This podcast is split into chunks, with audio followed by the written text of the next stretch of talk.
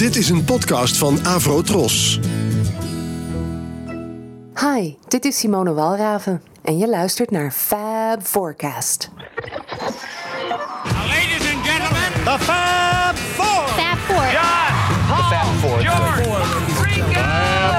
Fab Four. Fab Four. We have for you the Fab Four.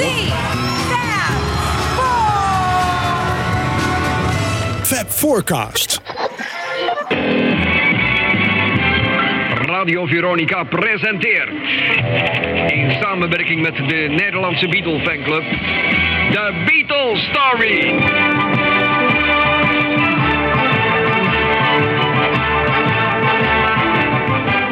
Luisteraars en Beatle freaks, allemaal een eh, bijzonder goede avond. De Beatles Story, een serie programma's van Radio Veronica die het leven en het werk van de Beatles behandelen. Vanavond alweer de twaalfde aflevering van Veronica's Beatles Story. Deze aflevering speelt zich precies tien jaar geleden af, namelijk in maart 1963. Zoals we in de vorige aflevering gehoord hebben, zijn voor de Beatles zojuist de opname achter de rug van hun eerste LP Please Please Me.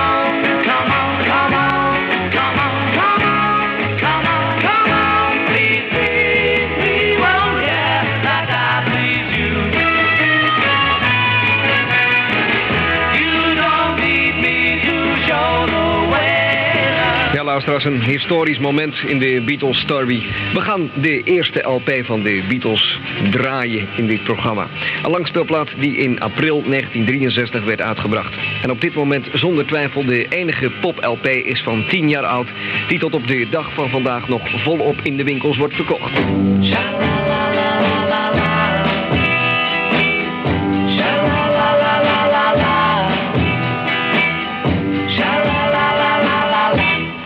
It's not the way you smile that touched my heart.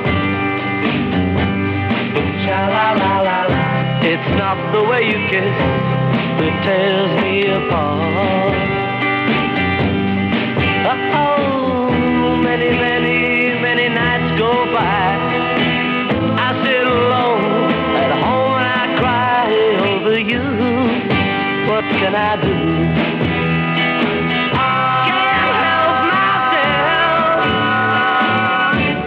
Cause baby, it's you. Baby, it's you. Fab Forecast. Ja, Fab Forecasters, welkom terug bij eh, een nieuwe show. Ik zit hier natuurlijk weer met mijn collega's Jan Kees. en Michiel. En we hebben weer een gast. En dat is Edwin Wendt. Edwin Wendt. Welkom, welkom. Want we gaan het vandaag hebben over de Beatles op de Nederlandse radio. En dat bestaat uit twee delen. Vandaag natuurlijk het eerste deel. En eh, Edwin kwam met het idee. Eh, vertel maar eens eh, hoe dat allemaal in zijn werk is gegaan. Ja, ik ben nou ehm, eh, een jaar of veertig groot muziekliefhebber. En, en daarmee ook Beatle-liefhebber. Ik ben 49 jaar, dus dat is al redelijk vroeg begonnen. Eh, en daarnaast ook eh radioliefhebber en radiofreak. En eh, ja, die combinatie van die liefhebberijen zorgt er eigenlijk voor dat ik de, de Beatles op de radio altijd al gevolgd heb sinds pakweg 1976. Toen er toevallig ook een Beatles story op de radio was. Ja. En ehm, ja, toen ben ik ook ongeveer begonnen met het kopen en verzamelen van platen. En dat gaat ook tot, tot op de dag van vandaag door. En ja, die drie dingen, of die twee dingen zijn eigenlijk een beetje bij elkaar gekomen. Toen ik jullie serie leerde kennen, van, dacht ik van ja, misschien is het wel leuk om die twee onderwerpen bij elkaar eh, te brengen Ja. in een eh, serie afleveringen. Want ja, serie, omdat ik eigenlijk merkte dat ik zoveel had. En zelfs als ik dat heel erg kort zou knippen en zou samenvatten, bleef er nog zoveel over wat leuk was om te laten horen. Ja. Dat het eigenlijk niet echt in een eh, uurtje of anderhalf samen te vatten viel. Nee, we hebben wel telefonisch contact gehad. We moesten echt flink de schaar erin natuurlijk. Want je had echt heel veel materiaal. Ja. En we proberen het nu een beetje in eh, anderhalf uur eh, per eh, deel te vangen allemaal. Nou ja, wat hoorden we net eigenlijk? Wat we net hoorden was een aflevering uit de Beatles Story. Die heeft op de zeezender Radio Veronica gedraaid in de periode tussen 1972 tot 1974. In 1974 moest die zeezender verdwijnen. En die Beatles story was eigenlijk wel een beetje het summum van diepgaan. Want de- deze serie op de podcast van jullie die gaat redelijk diep. Maar die serie op Radio Veronica toch ook wel. Dat was elke week een uitzending van een half uur tot een uur. Hing een beetje van het onderwerp, onderwerp af hoe eh, lang ze doorgingen. Ja. En ze begonnen in 1972, ja in feite begin jaren 40. En toen ze in 1974 moesten stoppen, toen waren ze pas bij 1965. Dus Oei. als ze door waren gegaan, was het zeker nog wel tot 1976, 77 geweest dat die serie had gelopen, denk ik. Die gingen misschien nog wel dieper dan wij. Misschien wel. Jij hoort nu net deze, deze aflevering, ehm, deel 12 is van. eh, mogelijk. nee, deel 12 van maart 1963. Toen is inderdaad precies tien jaar na het verschijnen van Please Please Me. Dat ze ook gewoon een hele aflevering nemen om gewoon een hele LP te draaien. Dus ja, Ja. Dat, daar doen ze ook niet al te moeilijk over. En er zat ook, ik heb die aflevering ook geluisterd. Zitten dan ook gewoon alle originals in van de covers die ze op de Ja. plaat hebben staan. Ja. En dat wordt ook allemaal nog even gedraaid. En nog uniek materiaal? Of, eh, Dat zat er ook in inderdaad, want ze werkte vrij nauw samen met eh, de fanclub eh, van toen. Harro van, Harro van was een belangrijke medewerker van ze. En die zorgde inderdaad wel wat er zeg maar, op dat moment aan boedelijk materiaal beschikbaar was. Dat Veronica dat inderdaad ook kreeg. En, maar goed, dat stond natuurlijk ook nog redelijk in de kinderschoenen. Dus even voor mijn beeld, wat gaan we de komende twee shows doen? Dit soort thematische afleveringen van bijvoorbeeld Veronica. Dat zijn zeg maar gewoon jarenlang durende radioshows. Maar wat nog meer? Wat, wat, wat, Eh, nou, diezelfde, datzelfde Veronica heeft in eh, 1972 ook een Beatle-dag gehad. Dat waren ze eh, ja, toen eigenlijk ook de eerste mee om gewoon een hele dag van 6 uur s morgens tot 2 uur s'nachts alleen maar Beatles draaien. Ook uiteraard met al die Beatle-opnames.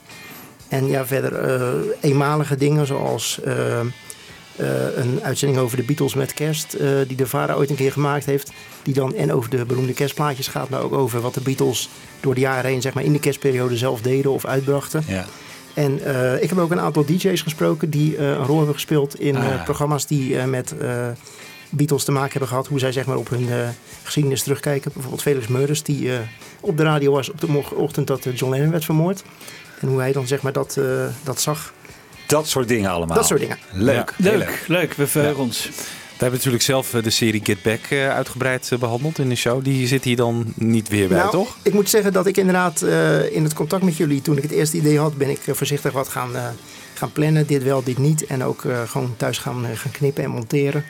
Programma's van zes uur inkorten tot eh vijf, zes minuten. Om even te en eh, ja, eh, op een gegeven moment had ik gewoon echt, qua materiaal had ik na een hele strenge selectie, vond ik zelf, had ik toch wel eh 160 minuten materiaal. Dus dat betekent eigenlijk al dat je als, als je alleen al het materiaal uitzendt en ons geklets tussendoor niet hebt, dan, dan ben je eigenlijk al vol. Mm. En ik had wel het idee, je moet toch even wat tussendoor gepraat worden. Dus Dat is wel zo leuk. dat is wel hè? zo leuk inderdaad. Dus ik ben toch inderdaad behoorlijk gaan inkorten. En toen was ik er bijna. En toen kwam eh, Michiel met het lumineuze idee van... joh, haal er ook nog een paar DJ's bij. Heb ik ook gedaan. Maar goed, dat levert natuurlijk ook weer een aantal eh, minuten aan eh, gepraat... en daarbij behorende toelichting op. Dus vervolgens ben ik weer opnieuw gaan schrappen... in datgene wat al echt tot het bot afgekloven was en geschrapt was. Maar met liefde gedaan. Wat er nu over is, is voor mij betreft gewoon zeg maar, het, Ja. Wat er echt over moet blijven. Nou, het leuke is als er zeg maar, over 100 jaar eh, een weer overzicht wordt gemaakt van alle, alle radioshows in de 21ste eeuw. Dat er ook misschien wel vijf minuten Fab Forecast tussen.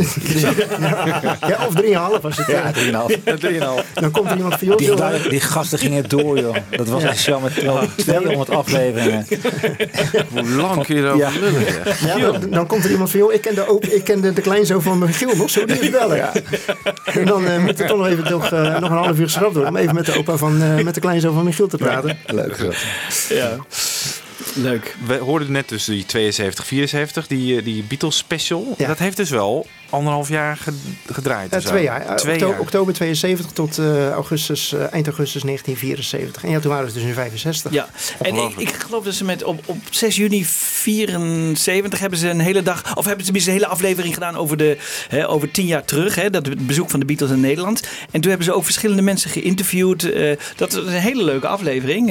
eh, die, hun herinneringen ophaalden en zo. Hè, de eh, agenten en, en mensen die, die er allemaal een rol hebben in, in hebben gespeeld. En dat, eh, daar heb ik ook nog veel aan gehad. eh, Ja. voor, eh, voor het maken van het boek eh, over Daar jij veel radio, Jan Kees, vroeger. eh, met Ja, Beatles ik, in die tijd, hè, ik kan me dus herinneren, de, de Beatles story eh, voor eh poster. Hè? ja. Poster. We, we hadden het toen straks even over Tom Mulder.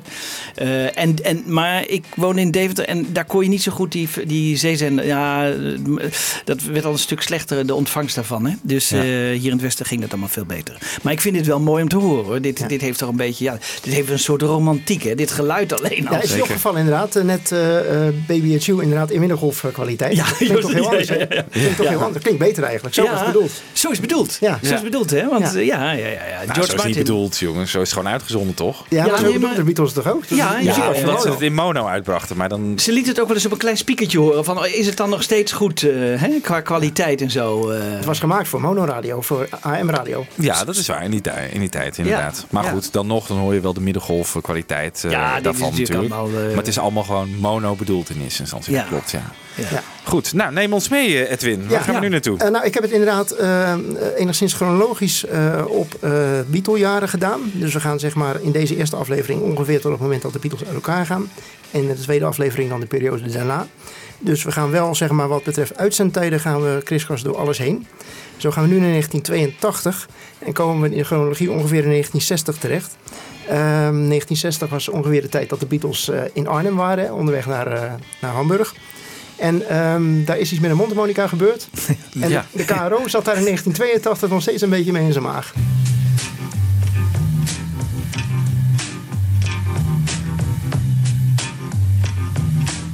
Twee Europese havensteden waren de bakermat voor de belangrijkste nieuwe stroming die de popmuziek ooit heeft gekend. De Mercy Beat. Vannacht verandert de KRO die naam in Elbe Beat. Want gebeurde het allemaal wel aan de Mercy in Liverpool? Of kwamen alle stromen samen in Hamburg?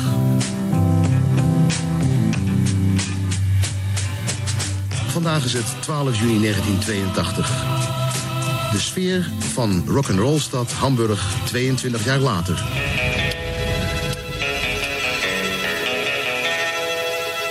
Alan Williams, de vroegere manager van de Liverpoolse band, schrijft in zijn boek over deze reis. Arnhem was best een aardige stad en dus maakten we een wandeling door de pittoreske straten. In een zijstraat ontdekten we een platen- en muziekwinkel. Toen we een paar minuten later buiten kwamen, zagen de jongens er schuldig en opgewonden uit. Stoute jongens die erin zijn geslaagd om een koektrommel te plunderen. Ik keek naar hun gezichten en zei... Wat is er gebeurd, jongens? Wat is er aan de hand? Een van de jongens keek om zich heen om te zien of niemand op hem lette. En toen haalde hij een grote, dure mondharmonica uit zijn zak. Wat vinden jullie daarvan? zei hij, terwijl hij het ding liet zien. Hoe kom je daar in godsnaam aan? Je had toch geen geld? Ik weet zeker dat je geen geld had. Nou, die heb ik gewoon gekregen. Die heb je gepikt, gestolen, zei ik. Hij keek me arrogant aan met zijn staalblauwe ogen. Die heb je verdomme gestolen, ging ik verder. Nou, daar staan we in een vreemd land. We doen net of we studenten zijn en jij doet zoiets stoms. Winkeldiefstal. Ik keek hem kwaad aan. Hij gaf geen antwoord en stak de mondharmonica terug in zijn zak. Heb je die muziekzaak al gevonden, Peter? Ja, want ik denk dat ik het... Heb je hem al gevonden? Ja. We moeten zo langzamerhand inderdaad na 22 jaar eh, die zaken even recht trekken. Ja, ik kan niet weten dat hij betaald Ik ben is. trouwens ontzettend benieuwd wat hij, als die eigenaar er nog is, wat hij ervan vindt. Waarschijnlijk heeft hij het allemaal opgezouten en begint hij nu pas te slaan. Hij is nog steeds We boos. krijgen het met rente en interest krijgen wij het terug. Als hij het ooit gemerkt heeft. Zou hij het ooit gemerkt zou het kunnen vragen. Als we tenminste die zaak kunnen vinden. Ah, wat zien we? Bergman Muziek. Zou het hier zijn geweest? Deutsche Grammofoonspecialist. Als ik dat even goed uitspreek. Gaan we maar eens even naar binnen. Dit moet het geweest zijn. Moet je kijken, dat is ook helemaal niet verwonderlijk natuurlijk dat het gebeurt. Er staat helemaal... Daar hangen ze. Kijk, daar hangen ze. Ja, nou, de mondharmonica's van Honen. Ze hebben het ook echt nooit geleerd. Hè? Ze hangen nog vlak bij de trap. Is- Het, je vraagt erom om mee te nemen op deze manier. Ja, ik kom betalen. Het schijnt namelijk dat hier 22 jaar geleden een mondharmonica gestolen is. Ja, heb ik van gehoord, ja. Ja, Maar uh, werkt u toen hier in de zaak? ja klopt. En kunnen ze zich nog herinneren wat er toen... eh, nee, ik weet alleen dat het gebeurd is. Ik, ik ben, was toen zelf niet in de zaak. Maar ik weet wel dat het gebeurd is. Dat een van de Beatles, die hebben hier een mondharmonica gestolen. Maar hoe, hoe, hoe bent u erachter gekomen dat... eh, Toen had meneer Bergman het zei tegen ons. die, die miste op een gegeven moment een mondharmonica? Ja, in de krant. Maar eh, waarom dacht hij dan, oh, dat zijn die jongens Nee, ik geweest? geloof dat hij iets gezien heeft en dat de jong toen de deur al uit was. Hij is er niet achterna gerend. Nee, nee, het heeft hij niet Jongens hebben hem ontzettend geknepen trouwens, hoor, na afloop. Dat schrijven ze in het boek tenminste. Ja. is dat eerlijk waar? Ja, dat is echt waar. Prachtig. Ik vind het trouwens ook wel een beetje vreemd dat ze niet nog eens een keer terug zijn gekomen om eh, de rekening te vereffenen. Nou, ik denk dat ze nooit in Arnhem weer geweest zijn, hè? Die, die, die, die bestonden nog niet. Deze wel. En dit... Is zo'n comet geweest. Dat is zoiets geweest. Nou, misschien waren die toen nog... Zou, zou je... Erik, jij speelt. Ik speel geen mondharmonica. Ja, jawel. Ja, dat deed John Lennon ook niet.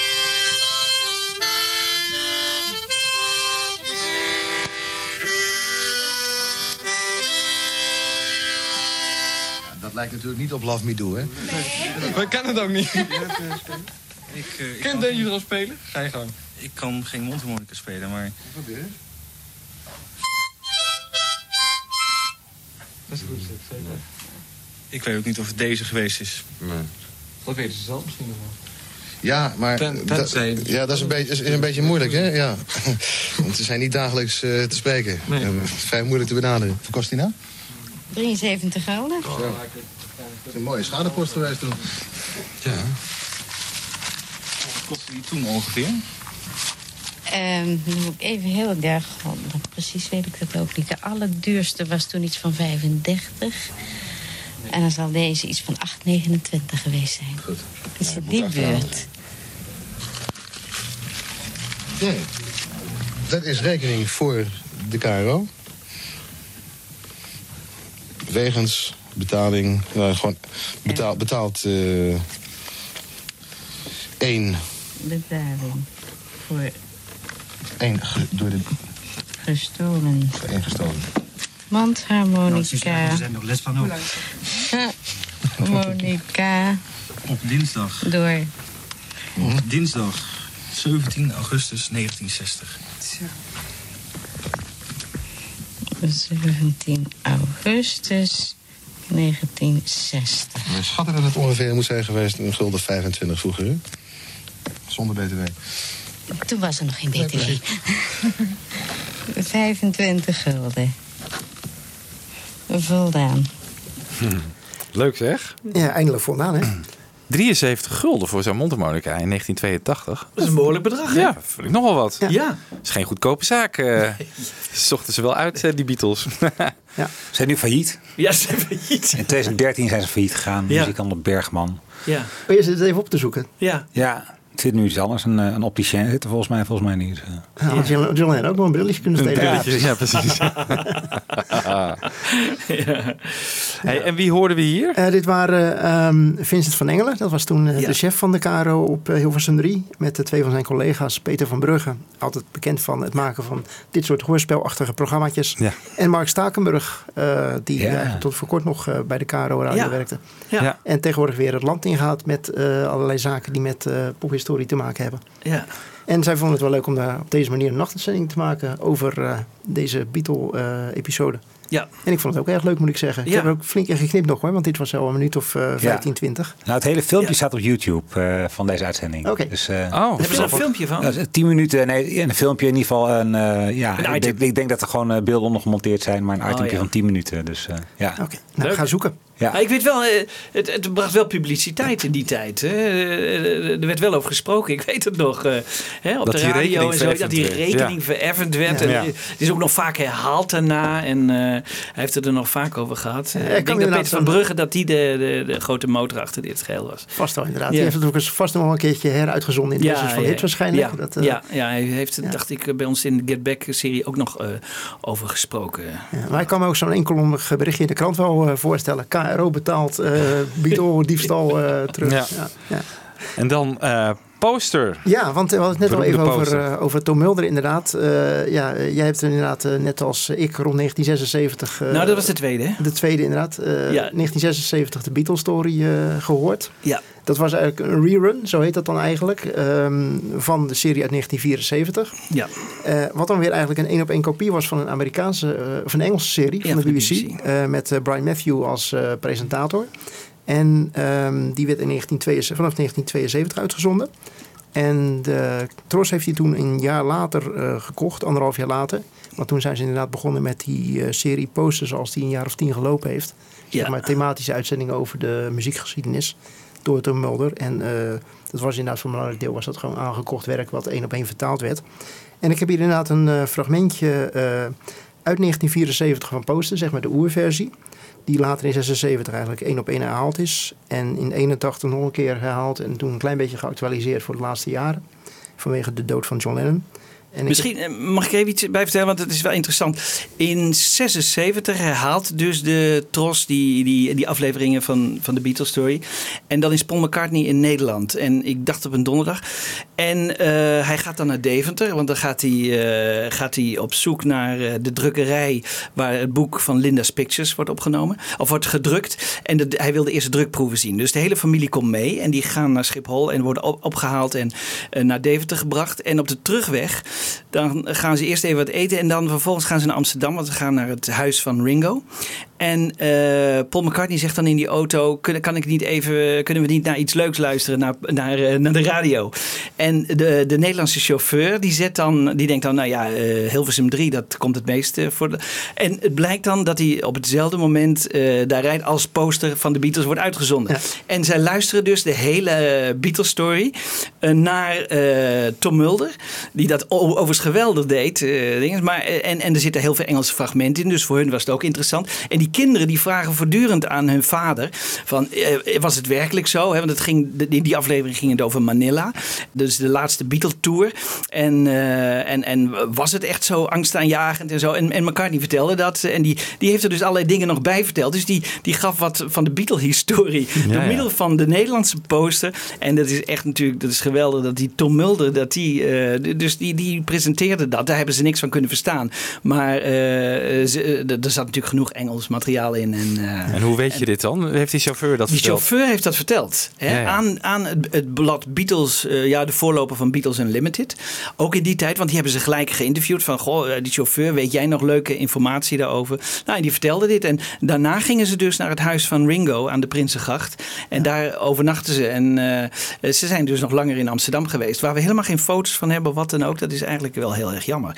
Maar dat kon toen nog vrij anoniem, denk ik, in die tijd. Maar Ja. de, dus de, tussen Deventer en Amsterdam hebben ze, eh, hebben ze dus met veel interesse geluisterd naar Tom Mulder en eh, de Beatles story op eh, poster. Ja, dan denk ik wel dat ehm, Paul McCartney die poster story al kende. Want het was natuurlijk een kopie Van van, de de BBC, BBC, story. ja. En die kende hij al. Ja. Want daar heeft hij al eerder over gezegd eh, dat hij dat gehoord had op de BBC.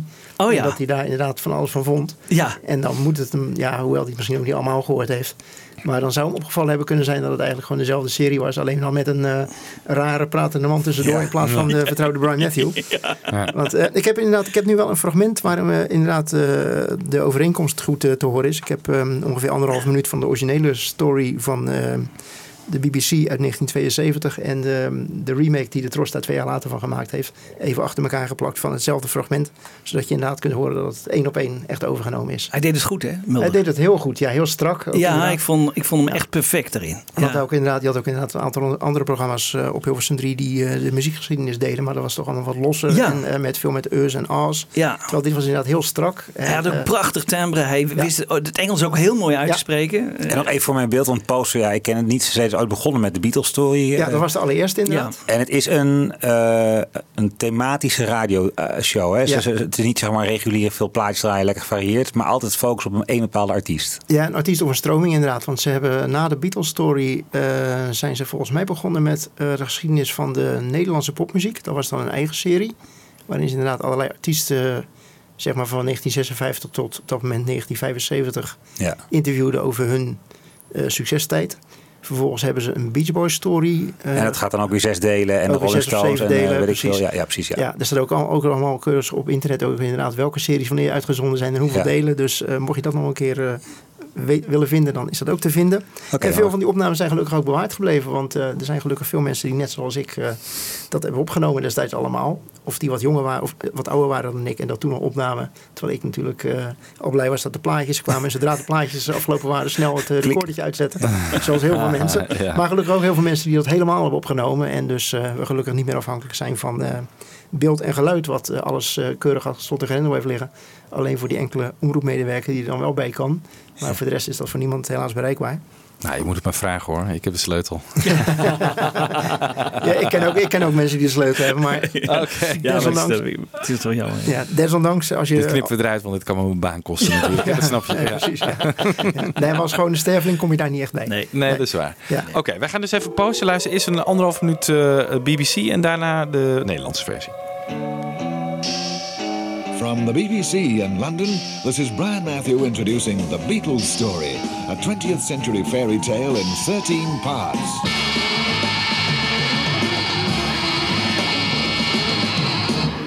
Like all good fairy tales, our story starts way back in the mists of time, when the people all had short hair, went to church on Sundays, and would never dream of talking about drugs or sex. In those mists of time, there floated across the water from America sounds like Frankie Lane. If ever the devil was born without a pair of horns, it was you. Jezebel, it was you. Dit is Klaas Vaak met de Beatles Story, een sprookje uit de 20e eeuw. Vanavond het eerste deel, de geboorte van de Liverpool Sound. Voor het begin van het sprookje gaan we, zoals bij elk sprookje, terug in de tijd toen de mensen nog kort haar droegen, zondags nog naar de kerk gingen en er zelfs niet over dachten, maar over drugs of seks te praten. Toen, heel ver terug in de tijd, kwamen er over het grote water uit de richting van Amerika allerlei geluiden waaien, zoals de stemmen van Frankie Lane. If ever the devil was born without a pair of horns, it was you. Jezebel, it was you. Johnny Ray, If your sweetheart sends a letter of goodbye. Bill Haley, One, two, three o'clock, four o'clock, rock. Five, six, seven o'clock, eight o'clock, rock. Nine, ten, eleven o'clock, twelve o'clock, rock. We're gonna rock around the clock tonight. en hitgigant Elvis Presley. Well, since my baby left, well, I found a new place to dwell. Well, it's down at the end of Lonely Street, that heartbreak hotel. Al die geluiden werden opgevangen in het Noord-Engelse Liverpool, waar de kinderen naar school gingen zoals de meeste andere kinderen. Maar soms ook bleven ze gewoon thuis. En met hun goedkope gitaren en theekistbassen probeerden ze zelf ook van die geluiden te maken.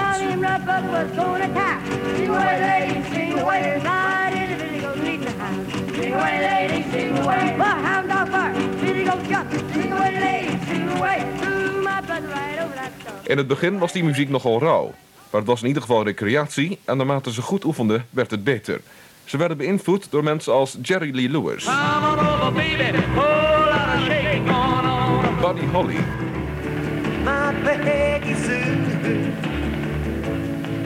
Chuck Berry, Cruising and playing the radio. With no particular place to go. en the Everly Brothers.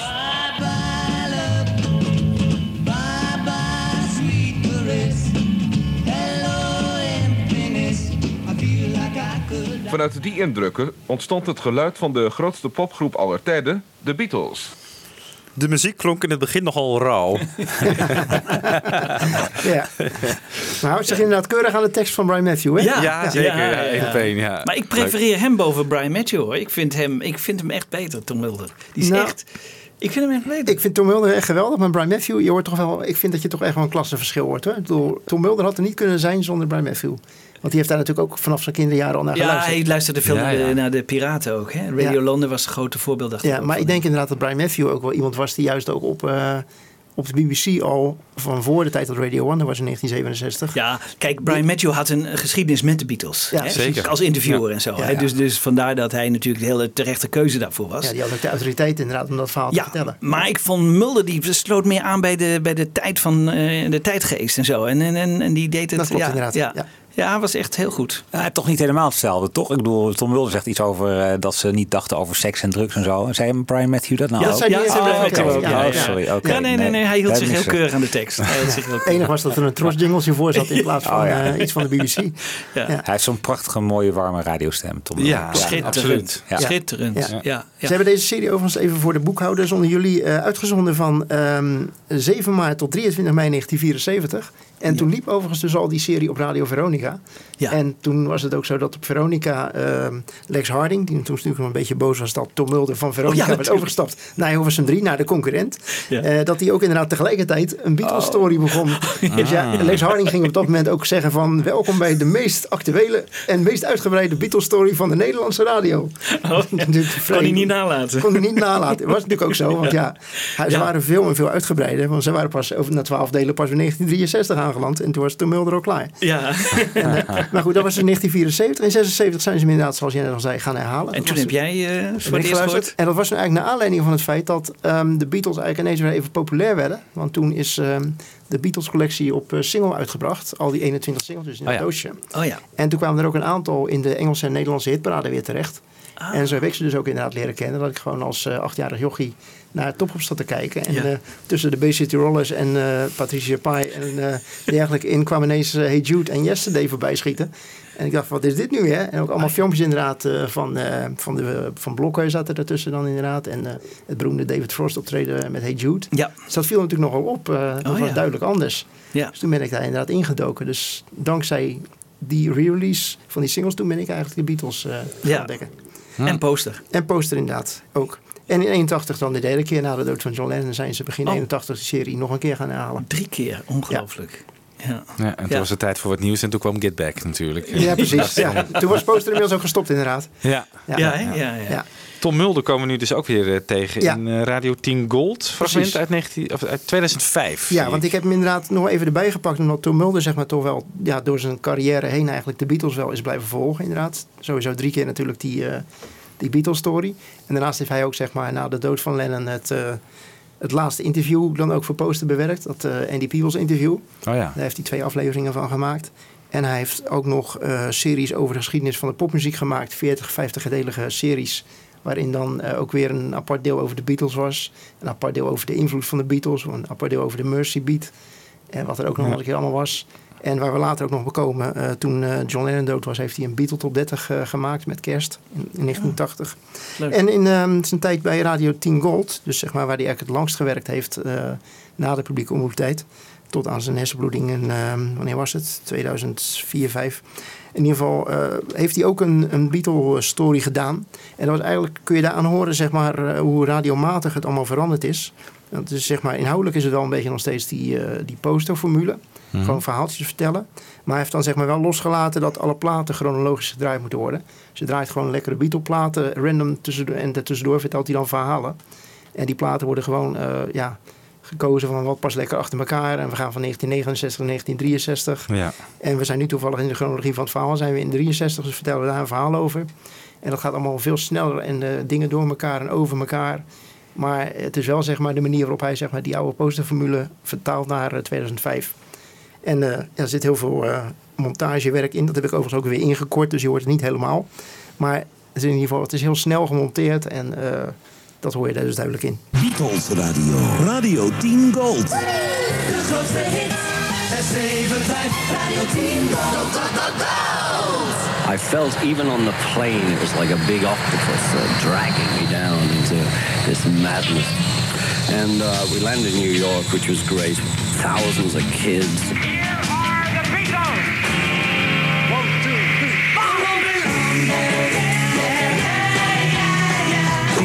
P.S. I love you.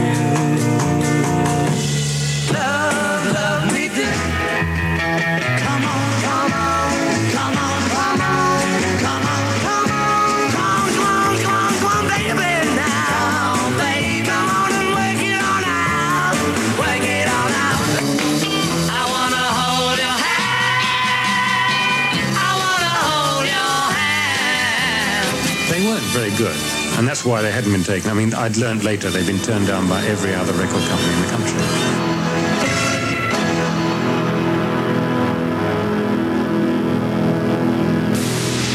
Hallo, dit is Tom Mulder met het Beatlejaar 1995. Geproduceerd in samenwerking met ABC Radio Networks in de Verenigde Staten.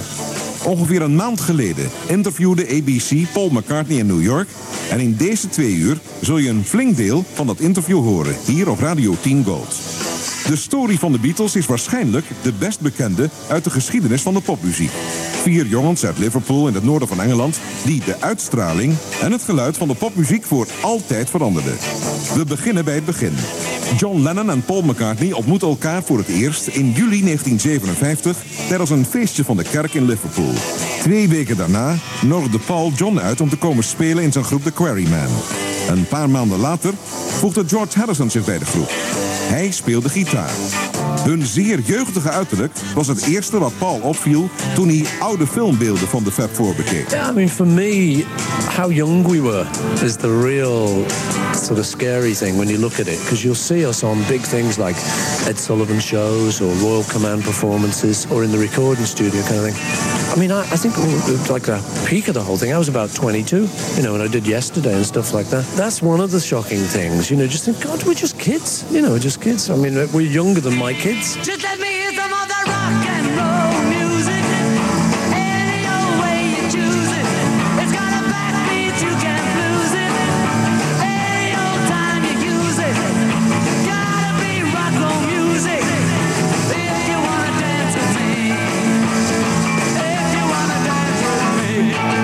Beatles waren fans van de echte klassieke rock'n'roll.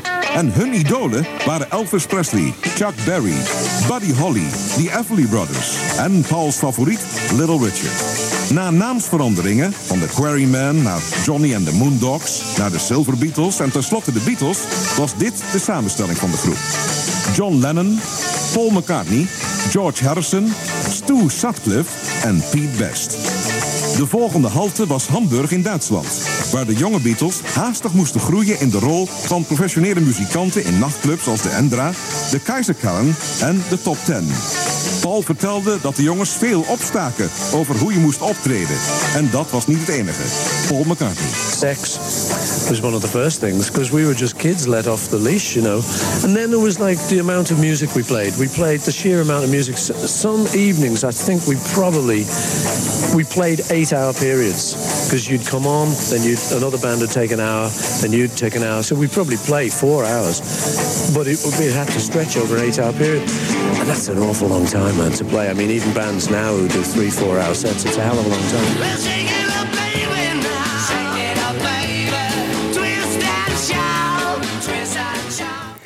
Even uitpuffen.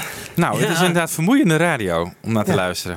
Er zit heel ik. veel compressie op, volgens mij ook. Het is, een beetje in elkaar gedrukt, het geluid. Het is, eh, Ja, maar het is wel duidelijk, eh, zeg maar, de- voor mij is het echt de posterformule. Dan vertaald naar hoe dat inderdaad zeg maar, voor commerciële radio werd Ja. Ja. klinken in Ja. 2000, eh, 1995. ja. Oh, was in 1995. Ja, ik zei Oké. 2005, maar het is inderdaad, ik hoorde hem zeggen inderdaad 1995. Ja, het was, exact. ja. Oké. De aanleiding was toen zo te horen een interview dat hij kort daarvoor, of dat men kort daarvoor met Paul McCartney had gehad. Wat eh, hij weer had gekregen en dan vervolgens heeft... eh, Het zal wel met eh, Anthology of zo Ja, te maken dat zal hebben. denk met ik ook. Anthology te maken ze- ja. volgens mij Ja, dat ook precies. uit. Ja. Maar je hoort inderdaad ook, hij vertelt natuurlijk van zijn verhalen tegen de achtergrond van, eh, van die, eh ja, die Beatle-platen waar dan de zang naar achter is geduwd. En dan hoor je I Wanna Hold Your Hand inderdaad op de Ja. achtergrond.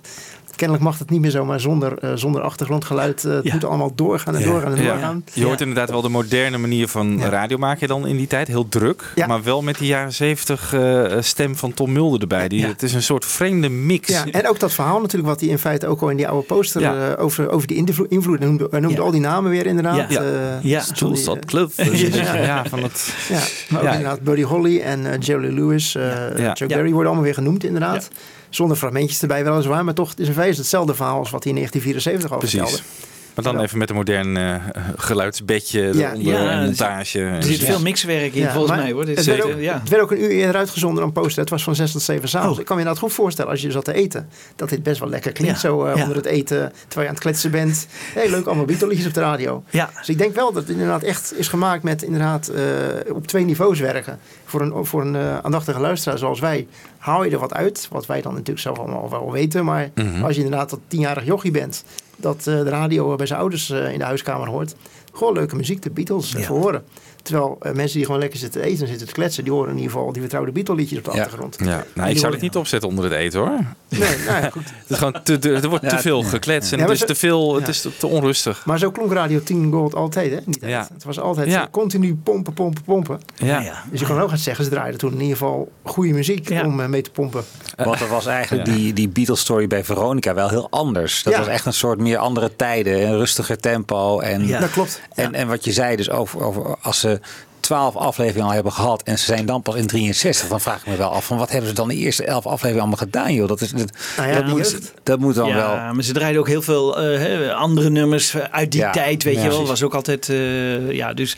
De, de, Dat de- ging heel diep. eh. En, en dus de hele nummers draaien en dan weer een nummer. En dus het, het, Nou, het is een beetje vergelijken met zoals jullie zeg maar ook die afleveringen over Please Please Me hebben gemaakt en over eh Hard Day's Night. eh Hard Day's niet Night, maar als er dan zeg maar een cover op stond, werd die ook Ja, inderdaad gewoon gedraaid. Ja. In de originele Ja. versie. Ja. En dan daarna natuurlijk de versie van de Beatles ook volledig. Ja, En, ja. eh, dus het is wel mooi. We zien ook een beetje de radiocultuur veranderen, zeg maar, zo ja. langzaam. En ook wat jullie natuurlijk ook wel gedaan hebben eh, bij bepaalde afleveringen. Even een, eh, een montagetje maken van welke muziek was er Ja. verder nog in die tijd. Ja. Kijk, dan ben je ook zo weer een eh 15 minuten verder. Ja. Dus eh zoveel die Vero- Veronica-uitzending ook wel gevuld. Eh. Dus Dus gewoon ja. zendtijd vullen. Ja. Ja. ook natuurlijk. Het is ook gewoon, ja, het is en leuk en er Ja. kwamen veel reacties Ja, op. En, eh, dat is waar. Ja. en waarschijnlijk is het ook gewoon, wat ik van Lex Harding dan begrepen heb, toch wel ook op initiatief van die Veronica, eh, van die Beatle fanclub geweest. Die hadden natuurlijk al die Beatle dag gehad in februari 72. Dat was Die de eerste Beatle-dag. Eerste Beatle dag, Ja. sowieso anywhere, in Ja. Nederland in ieder geval. Ja. Ehm, Ik denk sowieso dat er niet Nou, Amerika was het ook rond die tijd. Misschien 73. Misschien dat ze wel eerder waren hoor. Ik denk het wel, ja. Ja, ja, ja, best Veronica had inderdaad, eh, ja, Schrikkeldag 1972, 29 februari. Dat was inderdaad die dag. Die dag was over, zo werd het ook een beetje verkocht. Ja. Dus ja, dan eh, moet je ook iets eh, bijzonders doen. En toen eh, zijn ze bij de Beatle fanclub terechtgekomen. En waarschijnlijk zijn die, toen die contacten ontstaan, waardoor in 1972 het idee ontstond van joh, laten we dat gewoon elke week gaan doen. Ja. Misschien dat toen ook al wel bekend was dat de BBC inmiddels met een Beatles story was begonnen. Dat was ook rond die tijd natuurlijk dat dat begon. Ja. En die Veronica mensen luisterden natuurlijk ook wel naar de BBC. Dus misschien dat het toen ook wel, eh, Ja. of die contacten waren er misschien ook wel. Ja, wie weet. Dus Maar wel interessant. ja. Ehm, ja, dan heb ik eh, Nederland erop staan, want dan komen we in 1964 terecht. Ehm, ik had verschillende dingen uit Nederland kunnen kiezen. Eh, Joop van Zel met zijn eh, eh, bekende verhaal over de landing op, eh, op Schiphol was het geloof ik hè? Ja. Met zijn eh, verhaal over alle Beatle liedjes die gezongen werden. Zoals Lordy Law. Wat eh, toch echt van Chubby Checker is. en, en dan de Dat is de Robert en Brink van zijn tijd Precies. eigenlijk. Ja. ja, maar goed, dat, dat kennen denk ik veel mensen wel. Omdat eh, ja, volgens mij die platen Beatles tussen de bollen is denk ik wel... eh, mensen hebben hem of zelf of hij is gewoon op internet te vinden. Eh, maar ik heb iets anders daarom even opgezocht. Ehm, er is een reportageprogramma geweest bij de VARA destijds in 1964 op zaterdagavond. Dat heette Balans. Dat werd van tien over half elf tot elf s'avonds uitgezonden. Misschien een soort eh, equivalent van eh, wat tegenwoordig eh, RTL Late Night of Pauw of Jinek hebben. Ja. Van even bijpraten. Want ja, de tv was natuurlijk niet zo belangrijk. Dus je moest op de radio even een soort balans op de dag hebben. Met het oog op morgen. Met het oog op morgen eigenlijk bestond natuurlijk ook nog niet. Dus misschien dat idee een beetje.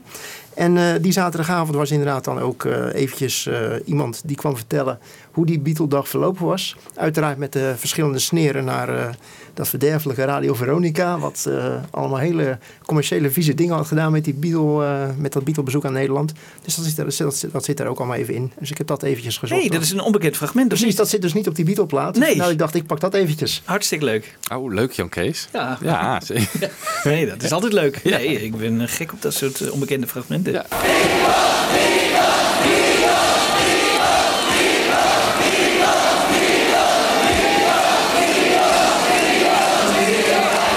Is het Beateldorp Blokker.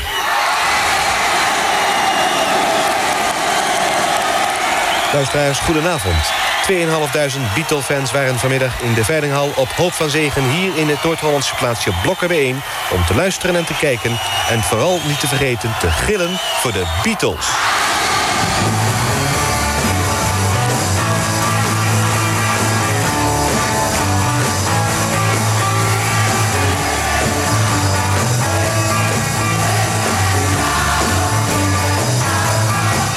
Ongetwijfeld gehoord van de waanzinnige tafereelen die zich hebben afgespeeld tijdens de rondvaart vanmorgen door de Amsterdamse grachten.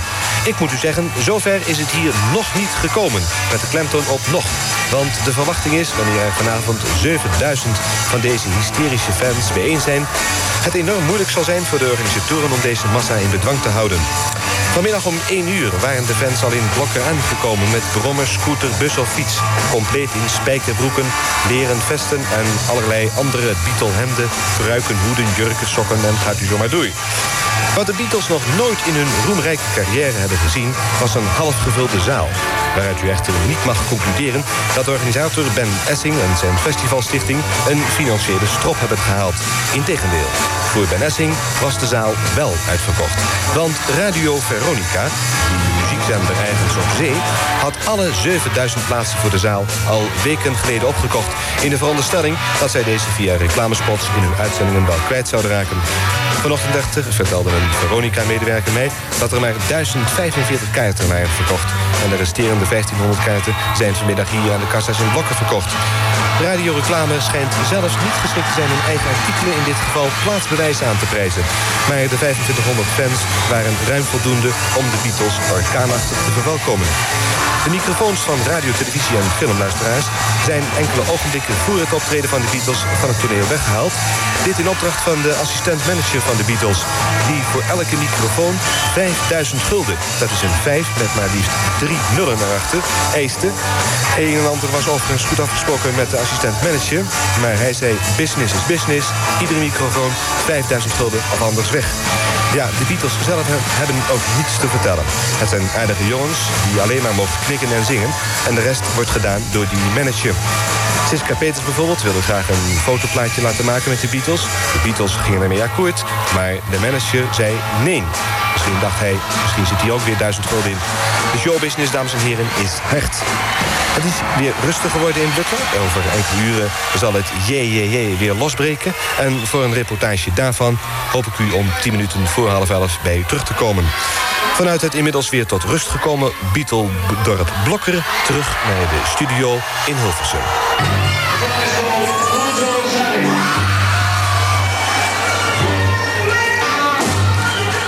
Ja, we horen toch uh, Long Tall Sally nog even. Dat was, eh, dat Ja. was het einde volgens mij. Maar eh, die, die mix, die, die valt me op. Ik bedoel, hè, eh, hele harde muziek eh, voor die tijd. En eh, dat die Derek Taylor, dat die, volgens mij heeft, wilde die gewoon geld, zelf geld. eh, ja, gelijk heeft hij toch? Wat was het verhaal van Siska Peters ook alweer? Met eh, dat Paul McCartney... eh, Ja, die, die stond zich om te kleden in de kleedkamer. En dat Paul McCartney binnenkwam en toen weer wegging. En, eh, Toen weer Toen weer terugkwam. ja, ja, ja, zoiets, ja. Dus dat is ongecensureerde verhaal. Ja. Ja, ja, dat was wel heel mooi. Ja, maar dat hebben we toen, weet je, we zijn er toch We geweest. hebben haar ja. toen gesproken, hè, toen we Ja. wij in Ja. blokken zijn geweest. Ja, Ja, ja, was leuk. Ja. leuk. Ze heeft er nog steeds eh, herinneringen aan, kennelijk. Ja. Ja, ja. En dat maar iedereen, ik geloof iedereen die daar geweest is, die eh, hè, achteraf, omdat die Beatles natuurlijk zo groot zijn geworden, is dat ook in herinnering gebleven. Ja. Ja, kennelijk waren ze ook heel groot. eh, Als Ja. ik het allemaal... Maar nu heb ik het idee dat dit een eerdere uitzending Precies, is dan die, hij- verhaal, die elf. Mijn Dus- tijd klopt niet, nee. Nee, dus, Maar dan moet er ook nog een tweede zijn. Dus, Ja, want dat, ik heb inderdaad, ik heb ook de, ik ben radiofreak heb ik al gezegd. Ik heb ook eh, digitaal alle gidsen vanaf 1926 die Ja. eh, ooit geweest zijn. Dus ik heb Oh, het programma ook even opgezocht. Het programma Balans heeft inderdaad bestaan. Dat was dus inderdaad, wat ik al zei, van tien over half elf tot elf. Maar dit eh, verwijst inderdaad naar dat programma. En het is inderdaad van eerder op de avond. ja, want dit, dit fragment heb ik ooit wel eens eerder gehoord, maar het stond niet op die LP. Nee. Maar, eh, ja. Maar dan moet, er inderdaad, moet dit inderdaad op een ander tijdstip eh, waarschijnlijk vroeger in de avond geweest zijn. Ja. Ik zal nog eens een keer opzoeken wanneer dat, dat dan, geweest is. Ja. En dat is nog later. En er is dus een fan, hè, die stond onder het podium en die heeft dus dat hele concert opgenomen. Met een, eh, met een, met een bandrecorder. Dat zijn eigenlijk de enige opnames die, die ervan zijn. Ja. En die zijn die ook allemaal uitge. Nou ja, die heeft hij willen verkopen aan IMI of zo. Weet jij het verhaal? Maar Nou, ik, die, die staan op die LP natuurlijk. Wat er is, staat op die LP Beatles tussen de bollen. Nee, nee, nee, maar, nee, maar die heeft dus het hele concert gewoon op een, eh, op een bandrecorder opgenomen. En die eh, heeft er als een kloek bovenop gezeten eh, tientallen jaren. En het laatste wat ik weet is dat hij hem verkocht heeft of aan, aan EMI of ik weet, ik weet niet meer aan wie. Maar in ieder geval, het, het is dus opgenomen, maar we hebben het nooit gehoord en dat is wel Nee. jammer. Want het was volgens mij ook een tijdje onduidelijk eh, eh, welke nummers ze hadden gespeeld. Wat de setlist was, toch? En op een gegeven moment was er dan zo'n kleurenfoto die eh, uitgelekt is een paar jaar geleden. Ja. Waarop ze dus met z'n drieën rond de microfoon zijn. En dat, blijkbaar is dat dan Disboy. Dat moet Ja. bijna wel Disboy geweest Ja. zijn, toch? Ja, dat is heel interessant. Dus, en, en, en er schijnt de eerste en de tweede geloof ik een verschil te zijn. Maar Maar er zouden dus betere opnames, geluidskwaliteit, betere opnames moeten zijn dan die op die Beatles tussen de bollen Ja, LP ja, staan. ja, ja. Want het Ja. was toch op zich alleen maar playback wat er was? Eh, playback plus... nee, eh, playback was. Stresslong, hè? Dat Oh ja. was Ja, de dit was televisieopname. live. Dit Dit was was live. Dit ja. was live. Dus hier moeten betere opnames Hier van moeten betere opnames van zijn. Alleen, eh, ja, wie heeft ze? Ja, ik weet niet wie ze heeft. Nee. Op de radio zijn ze kennelijk in ieder geval niet uitgezonden. Dit Nee. was wat het op de radio was. Op enig moment op Ja. die eh, eh, junidag in 1964. In ieder geval dus niet om tien over half elf s'avonds, zoals ik net afzieflijk zei. Maar eerder Nou, op de als avond. degene die de opnames heeft eh, luistert, eh, mail ze even. Ja. Fabforecast.gmail.com Ja. Bellen mag ook. ja, mag ook langskomen. Ja. Ja. Ja. Dan de Vara, The Beatles at Christmas, 1984. Ja, dat klopt. Eh, De VARA heeft ehm, eh, in 1984 en in 1985 eh, twee keer dinsdag was altijd de VARA-dag op Hilversum 3. eh, Uitzending gehad eh, met kerstmis. In het eerste jaar was, het, was dat de eerste kerstdag, het jaar erop uiteraard tweede kerstdag. En eh, toen hebben we gezegd van nou, dat is een leuke eh, gelegenheid om eens te kijken wat de Beatles nou met kerstmis gedaan hebben.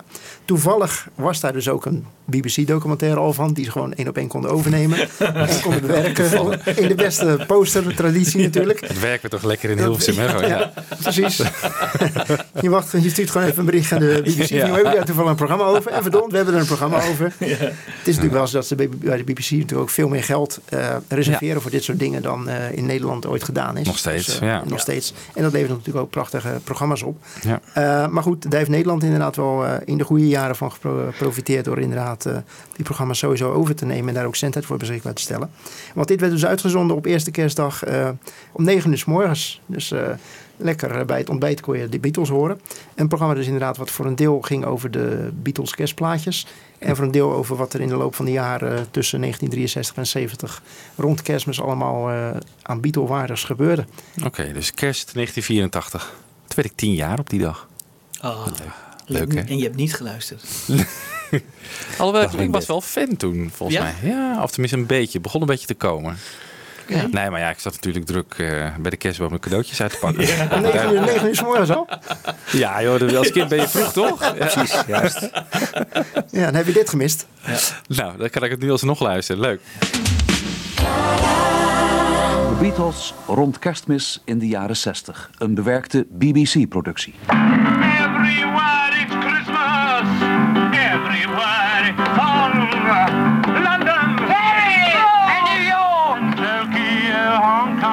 is het geluid van de meest bewierookte popgroep die de wereld ooit heeft gekend, de Beatles, met een liedje dat speciaal werd opgenomen voor de leden van hun fanclub, die het plaatje in 1966 als een soort kerstcadeautje gratis kregen toegestuurd. Al in 1963 werd het duidelijk voor de Beatles dat zij gedoemd waren te leven onder de druk van een gigantische publieke belangstelling. Dat gold zowel voor hun professionele bestaan als voor hun privéleven. Van elke stap die ze deden werd uitgebreid verslag gedaan. Elk woord dat over hen lippen kwam verscheen breed uitgemeten in populaire tijdschriften en kranten. En met name rond kerstmis nam die verhitte belangstelling van de pers nog toe, omdat de groep in die periode meestal het driftigst aan de weg timmerde. Er werd een nieuwe film gelanceerd, de groep deed radiooptredens, speciale kerstshows voor uitverkochte zalen en hun platen prijkten op de eerste plaats van zowel de singles als de LP-hitlijsten. In het komende uur halen we herinneringen op aan de prestaties van deze unieke groep en richten onze aandacht met name op de verrichtingen van de Beatles in kersttijd.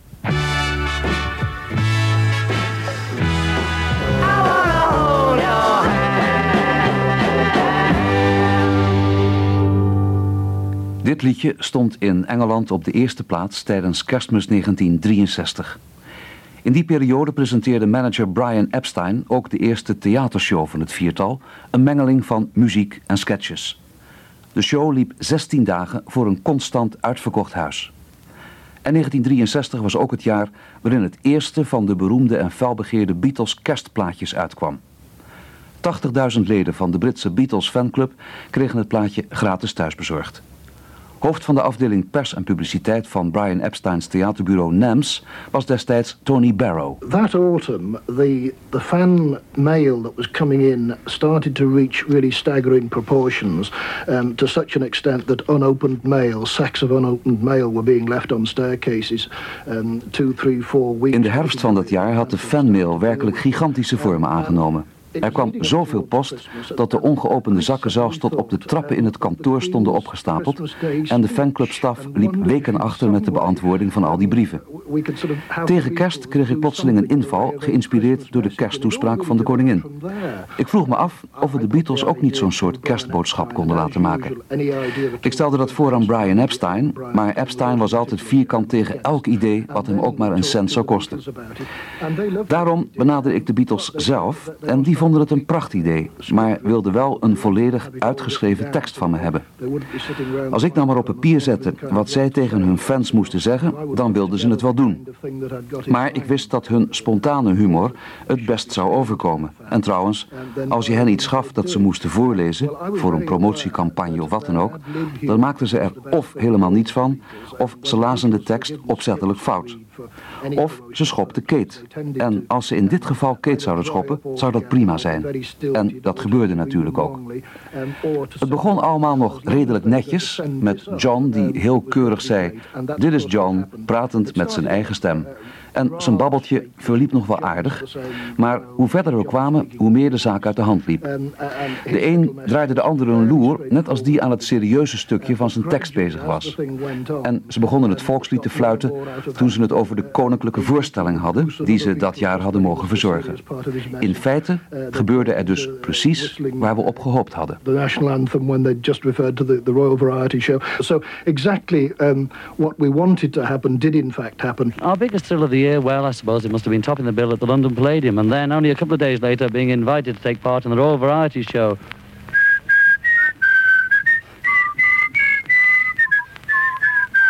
This time last year, we were all dead chuffed because Love Me Do got into the top 20, and we can't believe really that so many things have happened in between already. Just before I pass you over to Paul, I'd like to say thank you to all the Beatle people who have written to me during the year, and everyone who sent me gifts and cards for my birthday, which I'm trying to forget, in October. I'd love to reply personally to everyone, but I just haven't enough pens. In the meantime, Gary Crimble to you, Gary Mimble to you, Getty Babel, dear Christmas, happy birthday, me too. Die Kate schoppende Beatles toch? Nou, nou, nou, nou, nou. Een De doerakken. een- De een draait de andere loer. Ja. Maar het was wel natuurlijk zo. Op het moment dat ze werden geacht om iets serieus te doen, werd het natuurlijk gewoon een zootje. Ja. Trouwens wel mooi, dat is ook meerstemmig fluiten. Hè? Dat is ook... we zijn altijd Ja, weer bezig wel wat. ze kunnen wel wat. Maar de aquagenie, hè? is dat wel eens vastgesteld? Ja. Maar grappig dat ze die stem van Tony Barrow dan onder dat fragment laten, of onder die spreek laten doorgaan. Hè? Dat is eigenlijk een beetje wat eh Ja, de Duitse tv Ja, doen. Ja. Ja, ja, Ja. ja. Ja, Ja, Tom Mulder zou hem gewoon helemaal onvertaald uitgezonden hebben. Ja, precies. Ja, precies, ja. Ja. Dat was s'avonds. Dit was overdag, s morgens vroeg. En toen werden er mensen nog niet geacht om eh, Engels te verstaan. Waarschijnlijk tijdens de koffie en de, Nee, het nee, en Tom Mulder in de ochtend, ik weet niet hoor. Maar, ja. Nou goed, de VARA probeerde het in ieder geval. En we hadden weer een Beatle-uurtje voor Intergief. Ja. leuk. Ja, over de Beatles in de ochtend gesproken. Daar eh, ga ik dan nu even naartoe. Wat heet in de ochtend? Eh, zondagmorgen tussen 6 en 7. Ik weet niet wat jullie dan over het algemeen doen. Maar ik ben dan meestal niet Vroeger met- sliep ik. Ja, ik nu niet meer. Ja. Oké. ja. jonge, kind- kinderen zeker. Nee, daar ben ik Ja. even uit. Ja. Ja. Maar goed, er zijn kennelijk mensen die ervan uitgaan dat je ofwel dan heel diep in de Beatle-geschiedenis duikt. Ofwel dat je je cassette recorder klaarzet om een later tijdstip te luisteren. In ieder geval heeft de AVRO een tijd lang eh, gepoogd om eh, het Beatle-verhaal, wat toch ergens onderdak moest krijgen, dan maar desnoods op zondagmorgen tussen 6 en 7. Het was, eh, in, 19, in 2003 was dat. Oh ja. Toen eh, had Jeffrey Williams eh, was toen de presentator van het Stenen Tijdperk op zondagmiddag. Ja. En ik neem dat aan dat toen Koop Geersing hoofd Avro Zeker. Radio was. En Ja. Ik denk als er iemand natuurlijk zijn best deed om de Beatles te Ja, trekken, dat was hij het Koop wel, ja. En die dacht van... Heel, Desnoods, zondagochtend, Precies. Elke zondagmorgen van 6 En ik tot kon je 7. dan heel enthousiast over vertellen. Ja, we kunnen 6, 7 's ochtends. Ja, geweldig tijdstip. Ja. Ja, waarschijnlijk gewoon tegen Jeffrey gezegd... joh, je mag een Beatle-uur maken van 6 Ja. tot 7. Nou, dat is goedkoop. Ja. Doen we dat toch? Ik mag van 6 tot 7. Ja, het is wel s'morgens hoor. ja, maar goed, toen was het al opgenomen. Ja. Ja. Maar goed, ik heb er even wat uitgeknipt. Want dat is eh, inderdaad ook een serie die een week of zes, zeven gelopen heeft. Ehm, eh, ik weet ook niet of dat zelf geschreven was of ook weer een aangekochte BBC-serie of een bewerking. het Nou, lijkt in ieder geval niet op uh, Als koop daarachter zat, dan denk ik wel hij zelf dat gedaan dat Wij waren wel ambachtelijk eh, Ja. in die tijd. Ik werkte er toen net nog niet, Nee. trouwens. Maar eh, Ja. wel met Jeffrey gewerkt. Ja, hij lijkt trouwens niet op eh, Get Back inderdaad. Dus wat dat betreft heeft hij wel geredeneerd van ja, het is nu eh 15 jaar later, laten we niet gewoon zoals En die Beatles story, het is altijd een, een verhaal over hun hele carrière eigenlijk. Hè? Ja. Eh, nooit thematisch Nee. ergens op diep op inhaken of Nee, zo. eh. Dat Ja. zou later pas komen. Het heeft trouwens wel een heel ander tempo inderdaad al dan eh, Get Back. Dus veel- het lijkt wat dat betreft eigenlijk meer op die Tom Mulder eh, Radio 10 Oh. eh, serie dan eh, Hmm. op eh, Get Back. Daar ben ik nog steeds van aan het bijkomen. nou, hou maar, hou maar weer diep adem. Want Jeffrey. Jeffrey had ervan geleerd. nou, kom maar door dan. Dit is Radio 1, de Avro, met het stenen tijdperk. De eerste takes van From Me to You. Geschreven door John Lennon en Paul McCartney in de bus van York naar Shrewsbury tijdens de tournee met Helen Shapiro. Een week later werd het opgenomen in EMI Studio 2 in Abbey Road.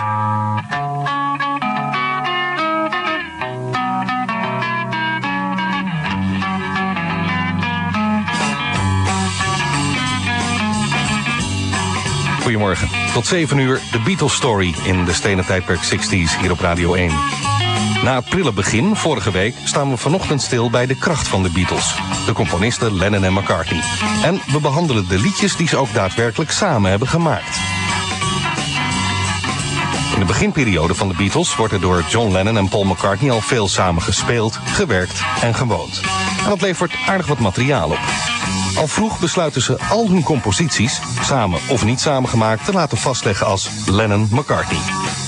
Met de release van de single Please Please Me staat er nog McCartney-Lennon op het label, maar dat zal daarna definitief Lennon-McCartney worden. Overigens, het aantal liedjes dat werkelijk door Lennon en McCartney samen is gecomponeerd is veel kleiner dan de meesten denken. In deze uitzending aandacht voor dat Beatles materiaal. Voor nu terug naar de studio. Dinsdag 5 maart 1963. De opname van takes 2, 3 en 4 van wat dan nog heet Thank You Little Girl. Oh, the same as before. That's right. No, Only we're just keeping. Are we keeping? Hey, you're right. Okay. One, two, three. Your house. One, three, three, four.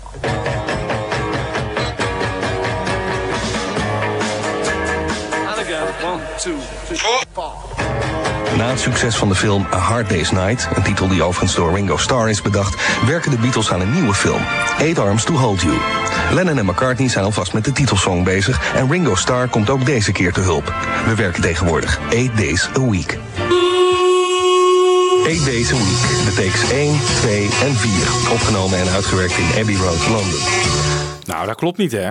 Hey, deze week is van de chauffeur van Paul McCartney. En niet van Ringo. Nou, bel koop op zou ik zeggen. Ze hadden mij toen nog niet in dienst. eh, nee. Nou. Ik, ik hoor hier toch wel een beetje koop in, volgens mij. Ik denk Ja. dat koop dit heeft, eh, ja. En ook wel aan die alternatieve takes. Natuurlijk Ja. hoor je dat het Ja. gewoon een beetje verzorgde. En het is wel een stuk rustiger dan... eh, Ja, het, je hebt gelijk, het is inderdaad een stuk rustiger dan, Ja, dan Tom Mulder, maar eh, drukker dan eh, Get Back. Zeker. Ja, zeker. ook zeg maar dat eh, doorpraten door dat eh, auto van de Days Week heen. Ja. Alvast even een eh, verhaal doen. Ja. Dat zou Hans Schiffers niet zo gedaan Nee, hebben. maar dat was echt allemaal gewoon eh, plaatje, praatje. Gewoon niet, ook niet in intro's eh, eh, doorheen praten. En echt helemaal tot het einde door laten lopen.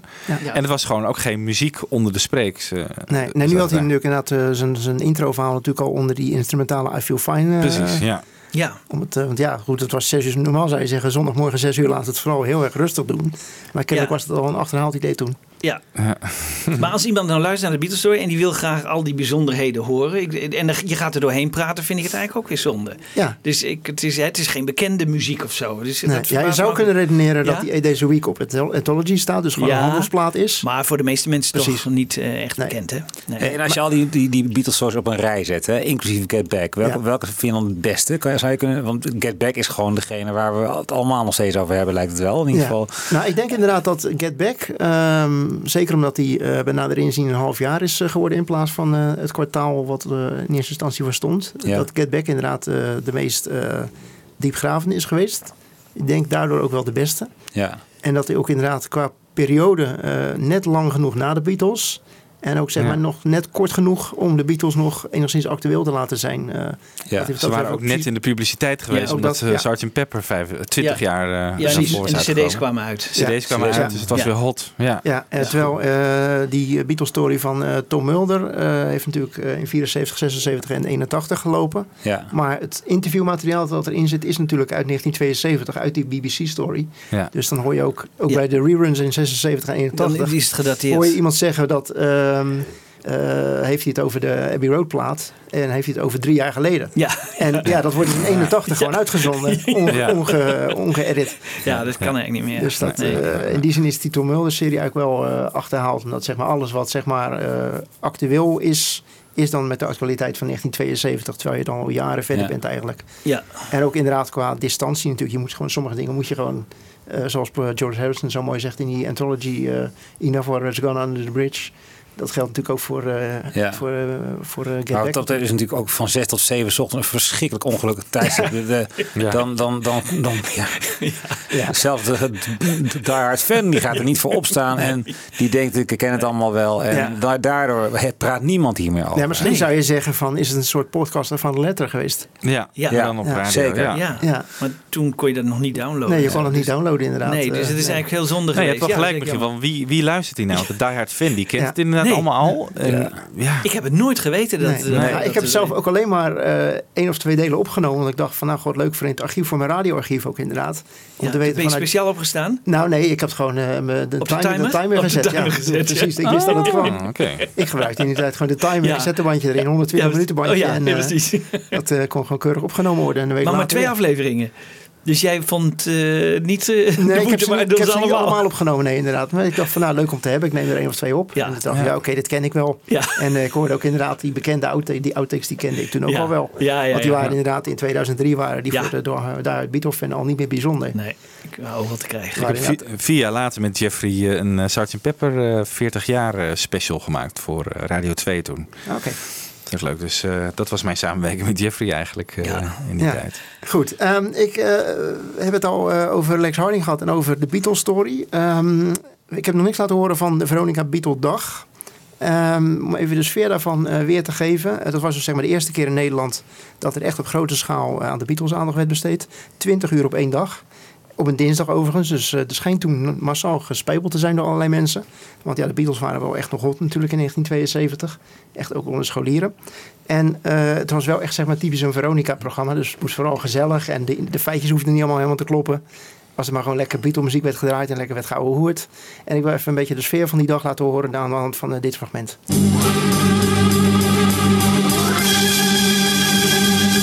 29 februari 1972. Vanaf vanmorgen 6 tot vannacht 2 de Beatles op Radio Veronica. Dit is het tiende uur. Als je hier over de gang loopt, luisteraars, dan eh, lijkt het net of je in de jaren 65 zit zo ongeveer. Want iedereen die heeft het gewoon weer een beetje, die, die, die Beatle-koorts. Ik zie net Nol Vis een beetje verdwaasd voor zich uitstaren. Van hoe heet die plaat ook alweer? Wat is dat ook alweer? Goed, zeg ik ja te gek. Het was I'll Be Back, Nol. Steeds meer moeders en dochters eten Era om slank te blijven. Daarom kunnen we de prijs wat slanker maken en ook het doosje weglaten. Era is voortaan 10 cent goedkoper. U betaalt een dubbeltje minder voor het lekkerste op brood en het gezondste voor de lijn. En nou we net dat bandje opzoeken. Een bandje wat eh, eigenlijk afkomstig is van eh, Robbie Dale. Dat hij gemaakt heeft tijdens een eh, interview met Paul McCartney. Dat denk ik ineens dat ik zelf ook wel eens naar Londen geweest ben om Paul McCartney te interviewen. Dat was eh, samen met Mies Bouwman en nog een, eh, een televisieteam. Ik weet niet meer van welke omroep dat was. Dat doet er ook niet zoveel toe. We hebben stad en land afgesjouwd, heel Londen door. En eh, we hebben Paul McCartney nooit te pakken gekregen. Terwijl de afspraken wel gemaakt waren. Robbie Dale die had meer geluk. En die heeft dus Paul McCartney geïnterviewd. En bij dat interview heeft Paul McCartney een aantal aankondigingen gemaakt. Waarvan we er u eentje laten horen. This is James Paul McCartney, Esquire, MBE and Bar, singing I'll Follow the Sun. One day you'll look to see I've gone, for tomorrow may rain, so I'll follow the sun. Zo weten we gelijk dat eh, McCartney van zijn voornaam James Paul McCartney heet. Eh, Lennon die heette John Winston Lennon, maar die heeft dat laten, laten veranderen in John Arno Lennon. En van die andere volledige voornamen ben ik niet helemaal op de hoogte. Dit was het nummer I'll Follow the Sun. Het is, eh goh, ik zal 12,5 minuut voor vieren geworden. Hè? Jammer is dat. Ik zou gewoon van door willen gaan. hè. Maar om eh, vier uur dan komt gewoon Rob aan. Ehm eens even kijken. EP'tjes. EP'tjes die zijn uit de tijd. Want EP'tjes worden gewoon niet meer gemaakt. Eh, van de Beatles zijn weet ik niet hoeveel EP'tjes verschenen. Trouwens, dat eventjes terzijde voordat ik hierover verder ga. De volledige discografie van de Beatles die staat in het... eh, Werkblad Veronica 192 dat eh, aanstaande donderdag op de markt verschijnt. Daar staat ook de complete levensloop van de Beatles in. Verkort weliswaar, want om die volledig weer te geven heb je een hele jaaroplage nodig, denk ik, van de Veronica 192. Maar er zit dus een, een heel apart boekje in. En dat, eh, dat boekje dat kunt u eruit halen en dan heeft u alles wat u eigenlijk over de Beatles moet weten. Waaronder alle EP'tjes, die worden daarin genoemd. Het bekendste EP'tje als zodanig is eh, wel het nummer Bad Boy geworden. Andere nummers die erop staan, dat is, ik dacht Norwegian Wood. Dat weet ik niet hoor, daar laat ik me trouwens niet over in. Eh, we draaien gewoon Bad Boy.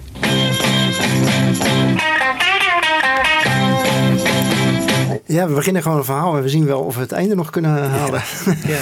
Zeg, deze kwaliteit is heel goed. Ja, dit zijn uh, studiotapes. Die Oh, zijn, moet, allemaal, ja, ja. zijn allemaal bewaard. Oh. Eh, ja, er zijn eh, twee technici van Veronica van vroeger. eh eh, Adje? Leek en Oh. Adje Bouwman. Ja. Ja, die zijn zeg maar toen eh, Veronica onttakeld werd, hebben zij zeg maar een flink deel van de discotheek, eh, de platencollectie, eh, gewoon mee naar huis genomen. Onder het motto als wij niet doen, dan gaat het eh, de kliko in. En hetzelfde Oh, met, die- met die uitzendbanden. Ja. Want dat werd natuurlijk eh, opgenomen in de studio in Hilversum allemaal, in Lapershoek. En vervolgens werden die banden naar de boot gebracht. En eh, die banden hadden een bepaalde levenscyclus. en op het moment dat iemand dan merkte zeg maar, dat eh, zo'n band eh, wat drop-outs ging krijgen... dan ja, werd die band gewoon vervangen door, voor een nieuwe. Maar die werd dan wel bewaard in het archief. Dus zeg maar, de laatste generatie band voordat die vervangen werd... is zeg maar, al die jaren bewaard gebleven. Waardoor er eigenlijk zeg maar, vele tientallen, zo niet honderden... Oh, originele. Veronica-programma's bewaard zijn. Ah. En ik denk wel dat die Beatle-dag iets is geweest waarvan ze hebben gezegd... van die bewaren gewoon volledig eh, gewoon voor later. Ja. En dat hebben ze dus inderdaad gedaan. Dus ik heb ze ook allemaal... eh, Je hebt de hele dag. ik heb de hele dag inderdaad. eh, maar goed, wat je hier wel aan hoort, het is zeg maar in feite, het is niet echt documentair. Het is wel gewoon gezellige Veronica-radio. Ja. Die Ja. dan gewoon over de Beatles gaat. En het is allemaal wel. eh te- technicus Nol loopt de studio in en het is gezellig. En we draaien even een reclame. En, eh, Je zit ook geen bedjes onder of zo. Hij Nee, is nee, gewoon, nee, we zijn lekker aan het ja. kletsen. Het was Ja. ook eh, eigenlijk een hele relaxte DJ, Lex Harding vroeger. Mensen kennen misschien later van de top 40, wat allemaal toch weer met jingles en fillers en Ja. zo was. Ja. Terwijl het programma vroeger was heel laid back eigenlijk. Wat ook echt bij die begin jaren 70 hoort. En hij zit gewoon lekker te kletsen. En eigenlijk zo'n beetje zoals wij dat nu doen. Ja. Eh, Je hebt hem dan- hier ook over geïnterviewd, over dit eh, programma. ja, ik heb hem eh, geïnterviewd over inderdaad een aantal dingen die hij in de loop van zijn eh, carrière gedaan heeft. die Beatle gerelateerd waren. Eh, de Beatle dag inderdaad. En eh, de Beatle story niet te vergeten natuurlijk. Eh, hoe hij daar inderdaad op terugkijkt. Dus niet het enige geweest. Ehm, dit is wat hij erover zei. Mijn eh titel voorkeur ontstond al voordat ik op de radio werkte. En toen ik bij Radio 227 aan de slag ging, was het zelfs zo gek dat ik daar eh, een dagelijks Beatle-programma had van een uur. Dat deed ik samen met Tom Collins. Dus zeven en acht s'avonds ja, draaiden wij plaatjes van de Beatles en eh deelden wij al het mogelijke nieuws. Wat er maar eh, te, te, te krijgen was over de Beatles. Dat was dus in de tijd dat de Beatles inderdaad nog bestonden en heel populair waren. De, de Sgt. Pepper tijd zal dat geweest zijn, hè? 1967. Ja. Was dat inderdaad doenlijk om inderdaad elke dag een Beatle-uur te maken? Nou, dat werd natuurlijk wel heel snel slap maar daardoor misschien juist wel zo gezellig. Eh, want je kon daardoor wel heel erg in de diepte gaan. Hè? Het was allemaal niet oppervlakkig. Alles wat je maar te weten kon komen, dat werd gedeeld, er werd voorgelezen en eh, er werd, er wat mee gedaan. En er was ook heel veel eh, nieuws in die tijd. Iedereen schreef erover, alle bladen stonden er altijd eh, van. U luistert op het naar de eerste aflevering van The Beatles Show. En die wordt gepresenteerd door Tom Collins en Max Harding. Two to seven. Where the action is. Vertellen is, eh, wat vind je nou zo bijzonder aan de Beatles? Nou, ze hebben natuurlijk een heleboel opvallende dingen.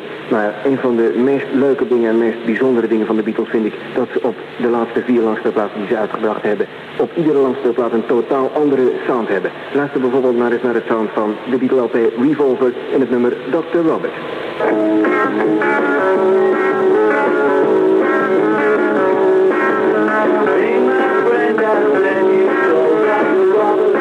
Volgende nummer dat wordt iets van eh, de nieuwe LP Surgeon Pepper's Lonely Hearts Club Band.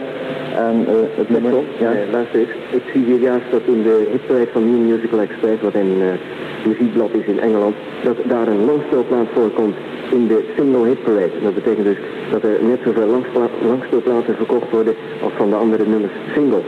En dat is natuurlijk niet de vraag waarom het is. Nee, natuurlijk niet. Dat is de nieuwe langspeelplaat van de Beatles, Sgt. Pepper's Lonely Hearts Club Band. Hij staat op het ogenblik op de 21ste plaats. Hij stond daar vorige week op nummer 27. Zullen we er eens een nummertje van gaan draaien? Ja, en eh, het, het, lijkt, eh, het lijkt me het beste dat we van start met een bijzonder fijn nummer van die Surgeon Peppers Lonely Hearts Club Band. Het is natuurlijk eh, wel bevooroordelend of wat dan ook, maar het is een, het is een geweldig nummer vind ik gewoon. Getting Better. Ja, daar komt hij.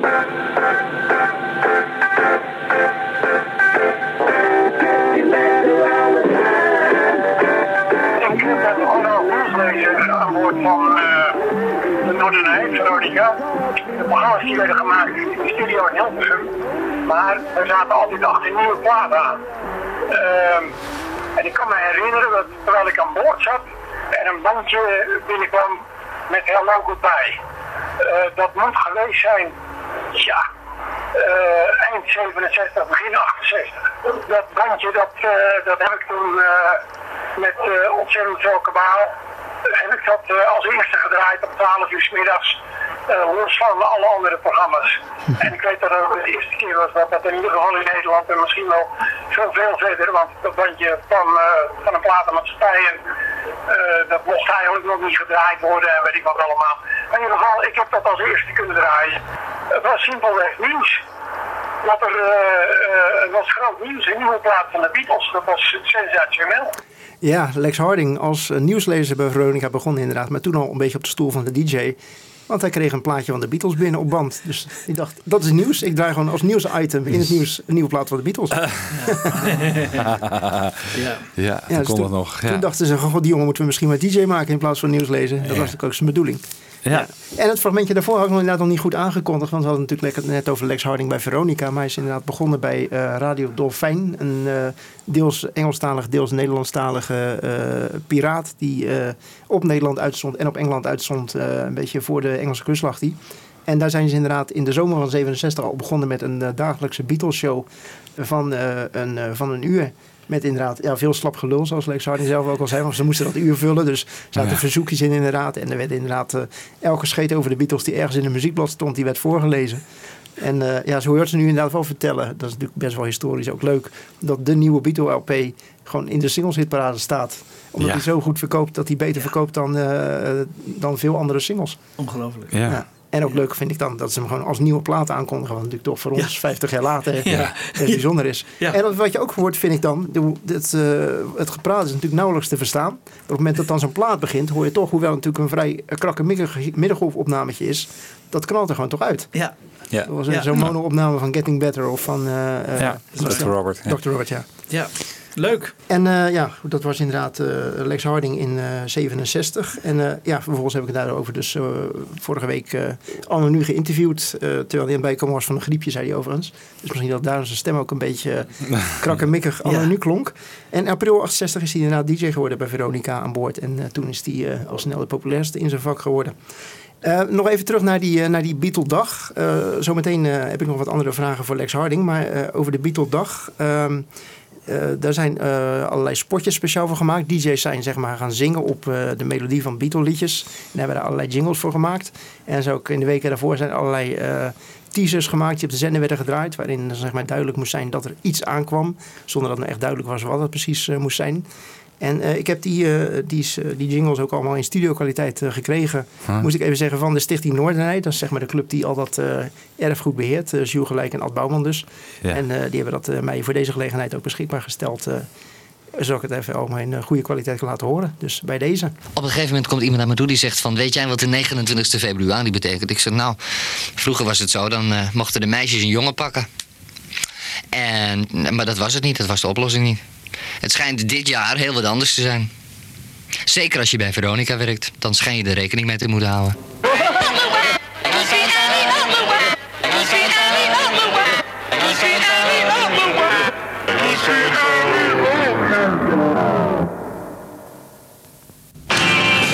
Op 29 februari presenteert Radio Veronica van 6 uur s morgens tot 2 uur s'nachts de Beatles. 20 uur Beatle-muziek afgewisseld met interviews met John Paul, George en Ringo. Hello, this is John speaking with his voice. When we made our first record on Parlophone towards the end of 1962, we hoped everybody would like what we'd already been our type of music for several years already. 29 februari is BD. 1, 2, 3, 4!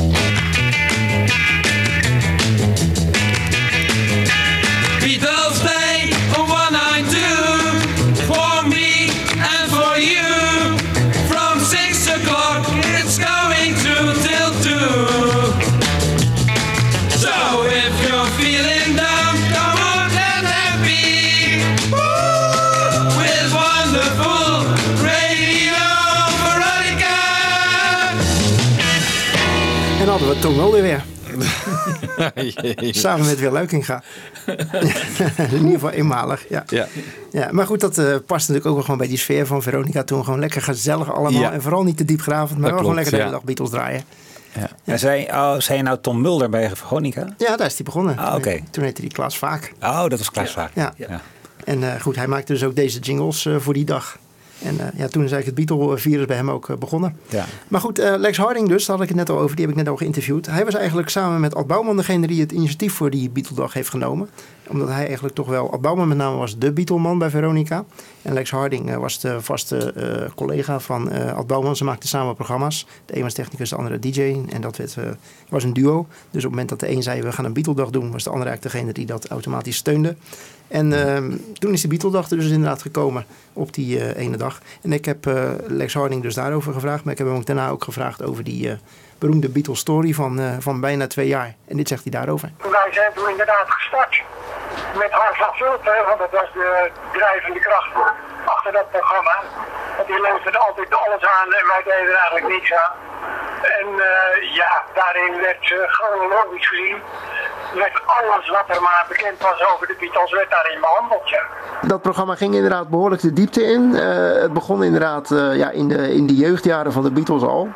En eh, toen de zeezender twee jaar later verdween in eh, augustus 74, toen waren jullie in de chronologie pas gevorderd tot 1965. Dus Nou ja, zo uh, gedetailleerd ging het allemaal. Dat is inderdaad waar. Het was wel erg eh, eh, ja, grappig om te doen. Eh, omdat ik natuurlijk ook zelf allemaal uh, wetenswaardigheden tegenkwam die ik niet kende. En er waren ook allerlei obscure opnames en bandjes en zo. Die, eh, die daarin eh, te beluisteren waren. Sommige waren totaal niet om aan te horen. Maar daardoor wel heel erg uniek. De verzamelwoede van, eh, van haar van Vulpen, die, eh, die lag gewoon de grondslag. En inderdaad, je kon natuurlijk niks even opzoeken op eh, waar dan ook. Dat is allemaal bandjeswerk. kregen jullie daar als, als zender ook veel reacties op? Of gingen de reacties vooral naar de Beatles fanclub? Nee, we kregen heel veel reacties. Er waren altijd, eh, altijd heel veel briefschrijvers. Want ja, er waren nou eenmaal heel veel Beatles-fans. En Ja. eh, de, de hardcore fans, ja, die luisterden wel. Op het moment dat jullie begonnen waren de Beatles natuurlijk al, al twee jaar uit elkaar. Toen jullie met die, eh, met die show moesten stoppen in 1974 was dat al vier jaar geleden. Maar waren de Beatles toen nog wel in jullie beleving echt een band van nu? Maar kijk, dat, dat uit elkaar gaan van de Beatles, dat was niet zo'n eh, bepaald en afgerond moment. Eh, ze zijn eerst opgehouden met optreden en daarna zijn ze opgehouden met platen maken. En je wist nooit of er misschien daarna nog weer wat kwam. En ze maakten soloplaten en zo. En toen stonden ze ineens weer op het dak van dat, eh, van dat Apple-gebouw. Ik vond dat dat ook heel erg sensationeel was. Maar je wist eigenlijk nooit wanneer het nou echt over was. Voor ons was het helemaal niet over. Voor ons was het allemaal levend en uh, we wilden het ook levend door het programma. Ja, ik vind dat op zich wel een, eh, een leuke eh, manier van tegenaan kijken. Want wij hebben natuurlijk tegenwoordig, ja, vanuit nu redeneren we allemaal van nou, 10 april 1970 was het voorbij. ja. Mhm. Maar misschien als je toen in die tijd leefde, was het helemaal niet zo van nou, dit is toen en dit is nu. Nee. Eh, eh, Two Virgins verscheen, daarna verscheen Electronic Sound, vervolgens verscheen er een nieuwe Beatle LP, vervolgens, verscheen McCartney, vervolgens verscheen Let It Be. En ja, misschien wie weet er daarna nog wel iets dat, eh, Ja. dat dat eigenlijk niet zo bleek te zijn. Dat is natuurlijk ook maar wijsheid achteraf. Ja. Dus ik kan me daar van alles voor voorstellen. Ja, je hebt genoeg, ja. genoeg artiesten die nog wel bij elkaar komen. Nou, ook zo'n periode van twee, drie jaar even uit elkaar. En dan, Ja. eh, En dat had er natuurlijk ook ingezeten in 74, zoals Zeker. we ons allemaal weten. Ja. Ja. Dus, Ja. Ja. En het grappige is ook wat hij zegt over hoe hij aan zijn informatie komt. Want ik vroeg me dat nog af. Want als je zo- zo'n vroeg als een serie maakt die je zo diep graaft, dan moet je toch behoorlijk wat materiaal hebben. En, en ik bedoel, ik neem aan dat die discjockeys niet zelf, eh, zo'n Lex Harding niet zelf allemaal gaat grasduinen in Engelse krant en zo. Nee, maar nou, dat dat deed die je Harman? Vulpen dus wel. eh, Ja. ja. Ja, dat was natuurlijk gewoon de Beatle-nerd eh, van dienst die dat allemaal, ja. allemaal regelde. En hij hoefde natuurlijk alleen maar, eh, hij kreeg een papje, een velletje papier voor zich, dat las hij voor. En dan gaf eh, de technicus een Ja. en dan werd er een plaat gestart. Ja. En als de plaat was afgelopen, dan was hij zijn volgende, volgende plaatje voor. Ja. Dat was natuurlijk, eh, dat was in feite de, de inbreng. En, bij, en voor mijn beeld bij Get Back was het toch ook zo'n iemand. Was het ook weer Hart van Vulpen of niet? Eh, Nee. Wie nee, dat, dat waren... eh, Evert Vermeer, Evert. Vermeer. Oh, Evert Vermeer natuurlijk, ja zeker. Koop. En Koop Ja. Geersing was toen Ja. natuurlijk nog geen Avro-man. Dat was Nee, toen nee, nee, die hebben we er vanuit pas later bij gehaald. Vanuit de Beatles ingevlogen man Ja. die later pas bij de Avro is Ja. Ja. Ja. Dus altijd wel die betrokkenheid van de echte Beatles-kenners bij die Ja, radio. maar je moet je wel voorstellen, in die tijd was er nog helemaal geen bootleg te verschijnen, verschenen eigenlijk. Er was geen, eh, dus alleen maar het officiële materiaal. Een heel enkel flexieplaatje van de, van de Christmas, eh, die we al eerder bij jou nu hebben gehoord. Maar er was eigenlijk nauwelijks iets. En dan is het wel heel knap dat ze er zo'n enorme serie van hebben gemaakt. En er waren ook nog heel weinig boeken verschenen, hè, de- nauwelijks nog in die tijd. Ja, je, Ja. Had, je had natuurlijk de officiële Hunt eh, Davis biografie, maar dan... eh, hè, en, Ja, niet en- veel meer. Niet veel Nee. meer. En- en Was hij er toen al? Die was Hunt er al. Davis, ja, ja, 68. die was Oh ja, 68. ja, ja. Maar Ja. voor de rest hield het op. Ja. Dus op zich vind ik dat wel heel erg eh, knap dat ze dat helemaal... Ja. eh, Nou, je merkt wel, dat vind ik ook bij posten, maar ook inderdaad bij die Veronica Beatles story. Het is zeg maar, het, er zit geen reflectie in. Het is zeg maar wel echt op van nu. Op het moment dat er nu een plaat verschijnt, dan is nu zeg maar ook het, eh, het perspectief. ja, Er wordt Ja. niet, zeg maar, niet zeg maar teruggekeken van hoe was het toen en hoe kijken we er nu tegenaan. Ze zitten inderdaad nog middenin. ja, En dan maak je natuurlijk een ander soort programma dan dan wanneer zoals nu wij eh, over 50 jaar geleden praten met de kennis van nu en met het perspectief van nu. ja, En hoe zouden we dat toen nu, nu doen, wat ze toen hebben gedaan. ja. Terwijl toen was eh, Sgt. Pepper was vijf jaar geleden. Dus ja, Ja. waar heb je het over? Dan praat je Ja. nauwelijks over iets van vroeger. Dan praat Ja. je echt over iets wat nog heel erg En actueel dat is. fragment daarvoor, daar zaten we nog tijdens de Sgt. Pepper. Hè? Ja. Dat is echt Ja. ongelooflijk. Ja, dus die mannen zijn ook gewoon begonnen tijdens de Beatles. En zijn opgegroeid met de Beatles, leeftijdsgenoten van de Beatles. Ja, Dan ja. kijk je er ook heel anders tegenaan dan Ja. wanneer Ja. wij eh, in feite toch praten over mensen van vroeger. ja, Die Nee, le- legendes zijn. ja. Even krijgen kijken. we nu? Wat kregen we nu ook alweer? Ehm, we gaan even naar iets uit die tijd die wel zeg maar, aansluit bij hoe wij er nu tegenover staan. De AVRO. Arjan Snijders, ehm, die eh, een tijd lang eh radiobuis bij de AVRO is geweest. Hè. En ook een tijd lang eh, invalpresentator bij de Stenen Tijdperk is geweest. Zeker als er iets met de Beatles gedaan kon worden. In 2010 is dat het geval geweest. Op 26 april 2010 was er in Vredenburg een concert van het Metropoolorkest. Met Ja. allerlei Nederlandse artiesten. Zijn jullie daarbij geweest? Ja, ik was erbij. Kijk, Ja. nou, dan weet jij er, kun je daar vast meer over vertellen dan ik. nou, ja, weet ik, niet. ik weet dat het project van Koop was in ieder geval. Wat was het? Magical Mystery Tour en Sgt. Pepper, toch? Allebei, ja. Allebei, ja. En die had artiesten geregeld. Ik kan me Bertolf herinneren. Eh, volgens mij Dave von Raven van eh, de Kik. Toen, nog de, toen nog de Mad. De Mad, toen nog, ja. Eh, wie hadden we nog meer? Volgens mij ook een zangeres, als ik me niet vergis. Spicht. Frederik Spicht, ja, Ja. inderdaad. En Henk Hofstede. Henk Oh, Hofstede. Henk ja. Hofstede Ja. natuurlijk, ja. Ja. Het was in die rode doos in eh, Vredenburg. Dus niet in het centrum, Tijdelijke maar in de Vredenburg. tijdelijke Vredenburg Ja. was het, Ja. ja. Ja. Ja. Ik heb er een eh, klein montage van gemaakt. Straks in het volgende uur de hele Magical Mystery Tour LP. En dit uur de hele Sgt. Pepper's Lonely Hearts Club Band LP. Prachtplaat. Eh, ik zei al, geen single vanaf gebracht, maar je zal alle liedjes kennen. Ehm, ik zal de muziekstukken die aaneen geregen zijn tot één lange medley. Ehm, ja, omdat het toch wat ongebruikelijk is om op Radio 2 zo lang eh, niet geluid te geven en alleen maar muziek te laten horen in twee hakken. Gewoon waar de LP-kanten zaten, kom ik er ook eventjes tussen om weer te vertellen waar we naar luisteren. En dat betekent dat je nu kant A van Sgt. Pepper gaat horen. Sgt. Pepper's Lonely Hearts Club Band. Daar begint het mee. With a Little Help from My Friends. Lucy in the Sky with Diamonds. Getting Better. Fixing a Hole. She's Leaving Home. En Being for the Benefits of Mr. Kite. Na afloop zal ik je ook vertellen wie er zongen voor zover je dat niet gehoord hebt. Maar verplaats je nu even naar een kleine maand geleden. S'avonds in die noodlocatie van Vredenburg. En daar komt die dirigent op, Jules Buckley. Mr. Jules Buckley. Nou, wat is dat voor jongen? Nou, dat hoor je vanzelf als je hem hoort praten. Goedenavond, ladies and gentlemen. I'm curious about one thing, and that is uh, I want to hear some noise if you like the Beatles. Make some noise, ladies and gentlemen.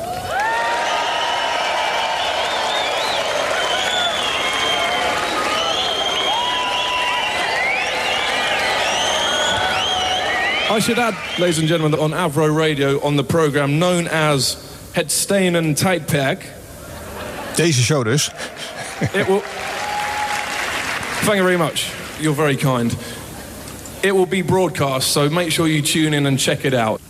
Oké, nou dat heb je gedaan, anders zat je nu niet te luisteren. Dus without further ado zal ik dan maar die eerste Sgt. Pepper kant aan je laten horen. Let op, daar gaat hij hoor. We're sitting in the Hush Semicircular Theatre waiting for the Sergeant Pepper's Lonely Hearts Club Band to come on, and here they come now playing the first number one. Let's go.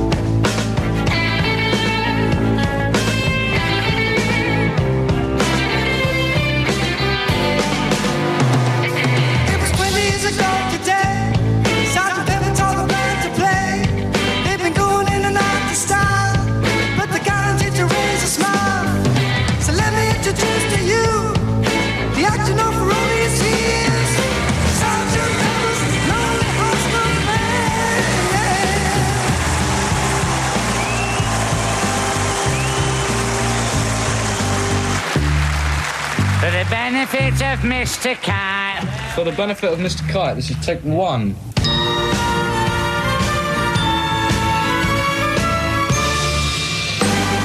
the benefit of Mr. Kite, there will be a show tonight on trampoline. The Hendersons will all be there. Leo, Pablo, Fankers, Fair. I wanna see over man and horses, hoops and garters. Lastly, to a hawk shed of real fire. It is with Mr. K who challenge the world.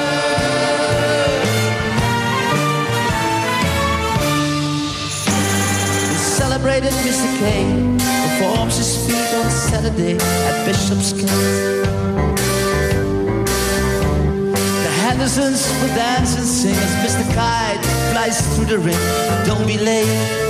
Mrs. K and A assure the brother their production will be second to none.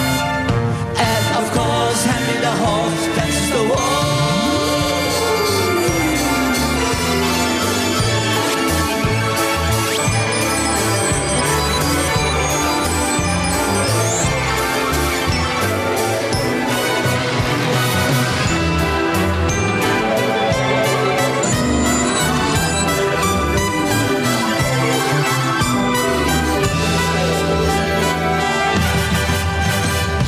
Band begins at 10 to 6 when Mr. K performs his tricks without a sound.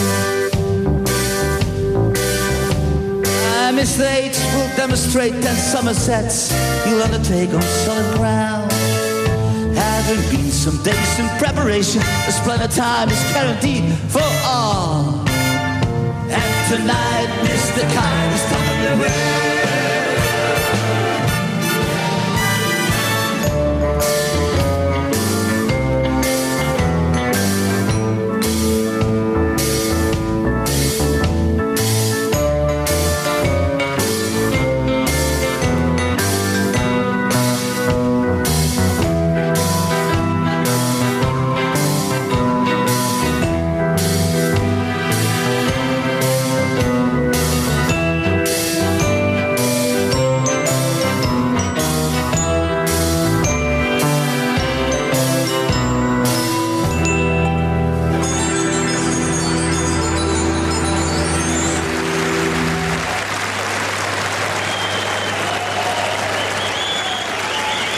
luistert naar de Beatles Symphony, het Metropoolorkest voor de AVRO in het Stenen Tijdperk hier op Radio 2. En ze spelen Sgt. Pepper's Lonely Hearts Club Band in de oorspronkelijke volgorde. Je hoort dus alle tracks van die LP zoals bedoeld in de tijd in 1967, maar nu tot één nieuwe medley gearrangeerd.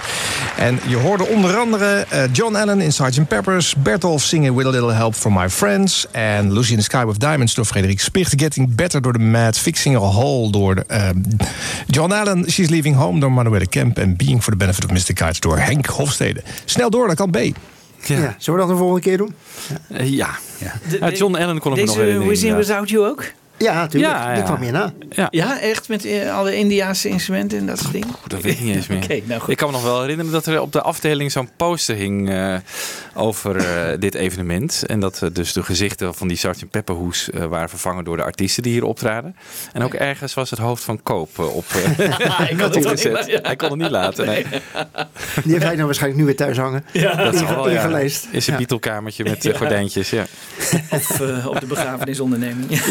Dat zou kunnen. Oh ja. Zijn auto. De gordijntjes is een begrafenisauto. Beatles gordijntjes in zijn begrafenis. Ga je dit er ook uitknippen in het kader van je carrière? Koop werkt niet meer bij de radio. Nee, dus, nee, eh, nee. En hij luistert ook nooit, dus dat... Daar geloof ik er niks van, dat laatste.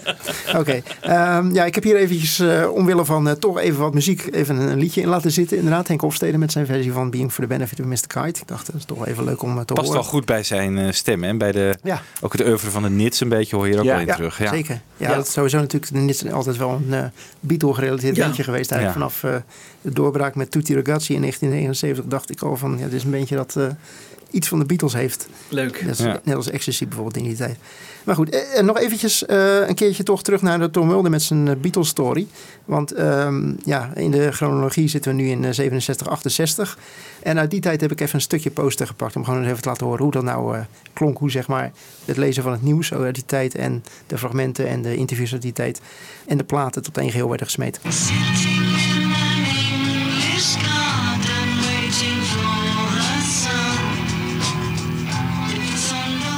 I Am The Walrus in hetzelfde muzikale hokje te plaatsen als het eerdere Strawberry Fields Forever. En ook erg duidelijk een John-compositie. Het was nu gemakkelijk te ontdekken wie wat had geschreven. En de verschillen tussen de Lennon en de McCartney-stijl eruit te pikken. Het flower power tijdperk was nu bijna voorbij. George vloog naar Bombay om te gaan werken aan deze soundtrackmuziek voor de film Wonderwall. John vertrok ook uit Engeland. Deze keer ging hij naar Marokko, waar hij een tijdje in de zon ging liggen. Kenny Everett maakte na zijn terugkomst met John een afspraak en had het volgende gesprek terwijl de Beatles bezig waren met de opname voor de volgende LP. Die sessie ging als volgt. When I was a little baby, my mama used to smash me in the cradle, picking those old cotton fields back home. Oh, cotton fields. When mama was a little bitty baby, she used to smash me in my cradle. When I was a little bitty baby back home. That was impresario John Lennon playing for you. And now, a few words from him. And there goes some daddy story I to each other. Cerca se je mare ci ciano, perché je mare tu ayati. Well, some variety going to Kenny Everetto, MBE. Uh, a photograph of you in the Daily Mirror, standing in a sheet. You look very peaceful. That's called a banous, Kenny, and I got it from Morocco. Really? Standing in a sheet, what do you mean? It looked like a, a sheet. Well, they do. Banouses look very, very like sheets. Mm. See, so as the lower classes in Morocco don't feel too put out, Yeah. having only the sheets to wear. I'd have black ones if I didn't do it. Wouldn't show. Where's my cup of Very tea? hot, though. Look Very hot, Ken. Black clothes. There. Is that mine? Very hot indeed. Have you got anything to say uh, that our listeners would understand? How about good morning? In februari 1968 vertrokken de Beatles met z'n vieren voor een buitenlandse reis. Er was deze keer echter een verschil. Ze reisden niet om te werken, maar om meditatie te studeren onder de Maharishi en zijn academie in Rishikesh in India. John en George bleven er bijna drie maanden. Ringo kwam na twee weken alweer thuis. Paul en Jane Asher, die zich met kerstmis hadden verloofd, bleven maar weinig langer. Bij hun terugkomst spraken Paul en Jane met BBC-verslaggever Richard Whitmore over hun ervaringen in India. Hij vroeg hen allereerst wat nu precies meditatie was en wat ze ermee deden. You sit down, you relax, and then you repeat a sound to yourself And it sounds daft, but it's just a system of relaxation. And that's all it is, you know, there's nothing more to it. So that we meditated for about five hours a day in all, you know, sort of two hours in the morning and maybe three hours in the evening. And then the rest of the time we slept, ate, sunbathed, and had fun, you know. One Indian MP accused this uh, place of being an espionage centre. and Yeah, uh, you, in about fact, of being a s- Spies, spy for yeah. the West. What, well, uh, don't what tell anyone. then? It's true. It is, We're it? spies, Yeah. yes. The four of us have been spies. Actually, I'm a reporter, and I joined the Beatles for that very reason. But uh, story's out next week in the paper, which will be nameless. Jane, did you go for a holiday or did you go to meditate as well? Oh, to meditate, yes. And uh, what effect has it had on you? This presumably is your first big meditation. Hmm. It, uh, I think it calms you down. It's hard to tell because it was so different, life out there. It'll be easier to tell now that I'm back and we're doing sort of ordinary things, to see just what it does. Grappig om haar te horen. Ja. Zeker, je hoort haar nooit. Zelden tot nooit. Nee, en dan Nee. ook over zo'n onderwerp. Ja. Wat je niet echt met haar associeert, toch? Ja. Ja, want het was meer Patty, hè? Ja. ook, ook het onderwerp John Lennon in Marokko heb ik ook nog niet. Nee. Ik ken Nee. daar geen foto's van, eh, Nee. voor zover ik weet. Eh, nee. De vakantie van Lennon in 67, als ik het goed begrijp. Ja, begin 68. Ja. Net na, eigenlijk net na eh, Magical Mystery Tour. Ja, ja. Hé, hey, dat is toch Is ook bijzonder. Magic Alex eh, mee geweest of zo? Ja, vast wel. Ja. Zoiets. Ja, misschien heeft hij de opnames met Kenny Everett ook al gemaakt. Dat is Ja. weten. Maar die zijn in Londen gemaakt. Ja. Dit was trouwens uit eh, deel 9 van die eh, Beatles eh, story. Deel 9, Meditation and Corpora- Corporation heette die in eh, Engeland. Dus heette die in Nederland Meditatie en Samenwerking. Dat betreft niks zelf verzonnen. En het maakt ons me wel nieuwsgierig en de anderen ook misschien wel. Zijn er nou in die shows meer van dit soort fragmenten eh, te ja, er vinden? zitten die... borden vol. Ik heb Ja. ook eh, zelf destijds, eh, toen ik die show dus hoorde en eh 9 of 10 jaar was, ook keurig al die eh Beatle plaatjes en die interviewfragmentjes allemaal keurig bewaard, Ja, eh, ja. opgenomen en de Tom Mulder overal eruit geknipt. Wat Ja. een heidens karwei was, zeker als je maar één cassette recorder hebt. dus eh, dat klonk ook helemaal nergens naar. Dus gelukkig heb ik later via allerlei wijze mensen die wat ouder waren, heb ik de originele opnames te pakken gekregen. En gelukkig circuleren die tegenwoordig gewoon overal. Dus eh, iedereen die ze wil hebben, kan ze ook wel vinden op internet. Ehm, dan heb ik een dingetje wat wel een beetje aansluit toch bij eh, de serie die we nog eh, te weinig genoemd hebben, Get Back. Waarvan we net al hebben gezegd dat we die in deze afleveringen niet eh, voor laten komen. Omdat eh, elders in deze podcast natuurlijk Get Back al uitgebreid is behandeld. eh, Zeker. in jullie gesprekken met Hans. En terecht ook. Eh, maar een van die afleveringen die daarin gemaakt is natuurlijk eh, de legendarische eh, Paul is Dead Oh, ja, aflevering. Van Koop. Van Koop. Eh, die waarschijnlijk toch in 1979 al wel naar de radio luisterde, Koop Geersing. Want eh, toen was in Nederland eigenlijk voor het eerst dat verhaal te horen.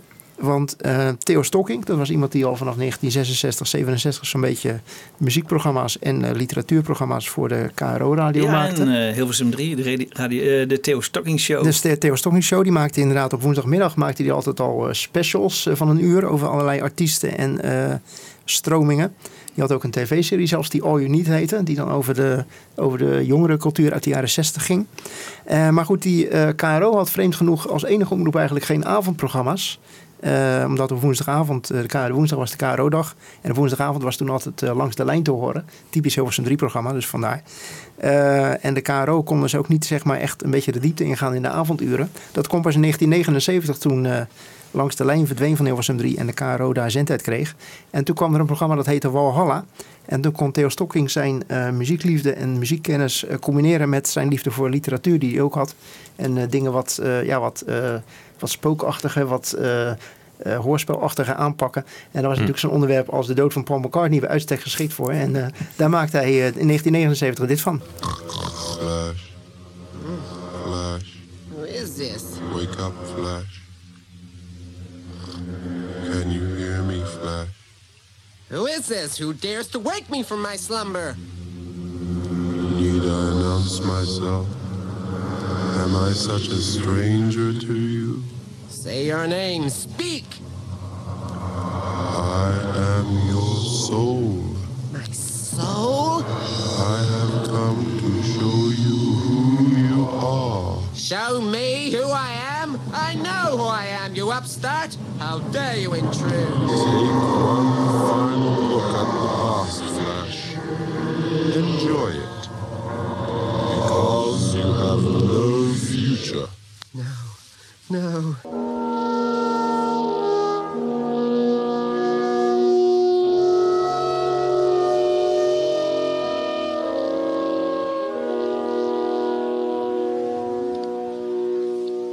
Goedenavond. In het programma Walhalla van vanavond proberen we de bewijzen boven tafel te krijgen voor het feit dat Paul McCartney reeds in 1966 is overleden. Als je de tastbare bewijzen ook tijdens dit programma bij de hand wilt hebben, dan moet je nu even de volgende zaken bij elkaar gaan zoeken. De LP Sgt. Pepper's Lonely Hearts Club Band, een klein zakspiegeltje, de LP Magical Mystery Tour en natuurlijk een grote zakdoek voor als het je allemaal te veel mocht worden. 1966. De Beatles zijn op het hoogtepunt van hun succes. De Beatlemania heeft haar hoogtepunt bereikt en plotseling, zo opeens, zijn er nog maar drie van de vier Beatles over. Paul McCartney overlijdt ten gevolge van een auto-ongeluk. De Beatles staan op de rand van de afgrond. Er was geen mens die wilde geloven dat de Beatles nog verder zouden kunnen gaan zonder Paul McCartney. Maar er wordt besloten over de feiten omtrent het ongeluk dat zo fataal afliep voor Paul McCartney te zwijgen voor het publiek. Na veel zoeken wordt tenslotte zelfs een dubbelganger voor Paul gevonden. En vanaf dat moment doet een andere man al het werk dat Paul in de groep deed onder Pauls naam. In dit programma zullen we alle bewijzen over de dood van Paul McCartney in de publiciteit brengen.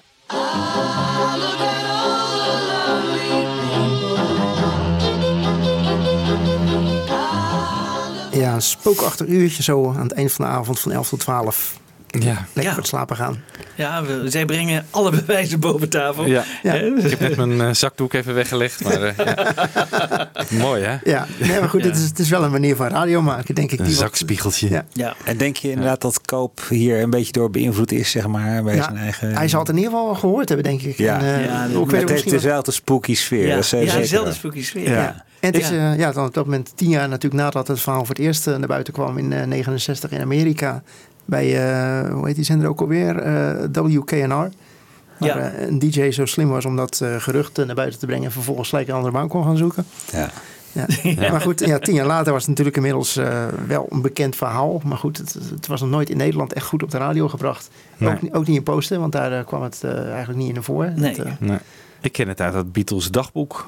Van Harry van Vulpen. Ja, Oh, daar ja. stond het ook in. ja, dat was uit 82. Dus dat was ook na deze tijd nog. Oké. Oh, ja. ja. Ja, ja, ja, Ja, dit was 79. Ja. Dus ja, ik weet niet eh, wat precies de bron eh, van eh, Theo Stocking geweest is. Je hebt hem daar- niet gesproken. Nee, nee hij, is, hij woont eh, voor mij in Indonesië Ja, hij woont in, in- Ver weg in ja. ieder geval. Ja. Ik heb het nog wel even eh, geprobeerd, maar ook dat is helaas niet gelukt. Dat was natuurlijk wel een bekend verhaal toch in de loop van de jaren 70. Jawel. wel. Ja, Dus ja, op ja, zich, ja, eh, ja, ja. Nee, maar goed. eh, of Maar in in- Nederland werd er nauwelijks aandacht aan besteed. Nee, dat klopt. Ja. Maar goed, dit was inderdaad bij uitstek een programma wat daar zich voor leende. Inderdaad een beetje ja, op, een, op een wat ja, afwijkende manier. Eh, Ja. Op het snijvlak van muziek en cultuur en literatuur. eh, Ja. Heb jij deze teruggevonden of herinner je je nog uit? Ik herinner me sowieso, ik had hem nog wel Ja? gehoord inderdaad. Ik was, eh, was toen elf en ik had Ja. hem inderdaad, ik had de aankondiging gehoord dat hij kwam. Ja. Dus ik had inderdaad aan mijn moeder gevraagd of ik mocht luisteren om elf uur s'avonds. Dat mocht, want het ging over de Beatles. Dus ja, dat kon nooit, kon nooit kwaad hè. Maar goed dat ik die nacht vrij, vrij slecht sliep, dat eh, was voor later zorg. Ja. ja, goed. Maar goed, dat was dus zeg maar 1969 dan in het Beatle-verhaal zo'n beetje. Hoewel natuurlijk 1969 er als jaartal niet echt in voorkomt. Maar even vanwege de chronologie die ik toch een beetje heb aangehouden... komen we nu eigenlijk een beetje aan het eind van de, van de Beatles-tijd. En daar heb ik nog één keer eh, poster erbij gepakt... eh, met de aflevering die gaat zeg maar over het einde van de Beatles en het eh, begin van de solojaren. En een aantal Beatles die daar rond die tijd, dus in 1972, toen die interviews werden gehouden, hun licht over laten schijnen.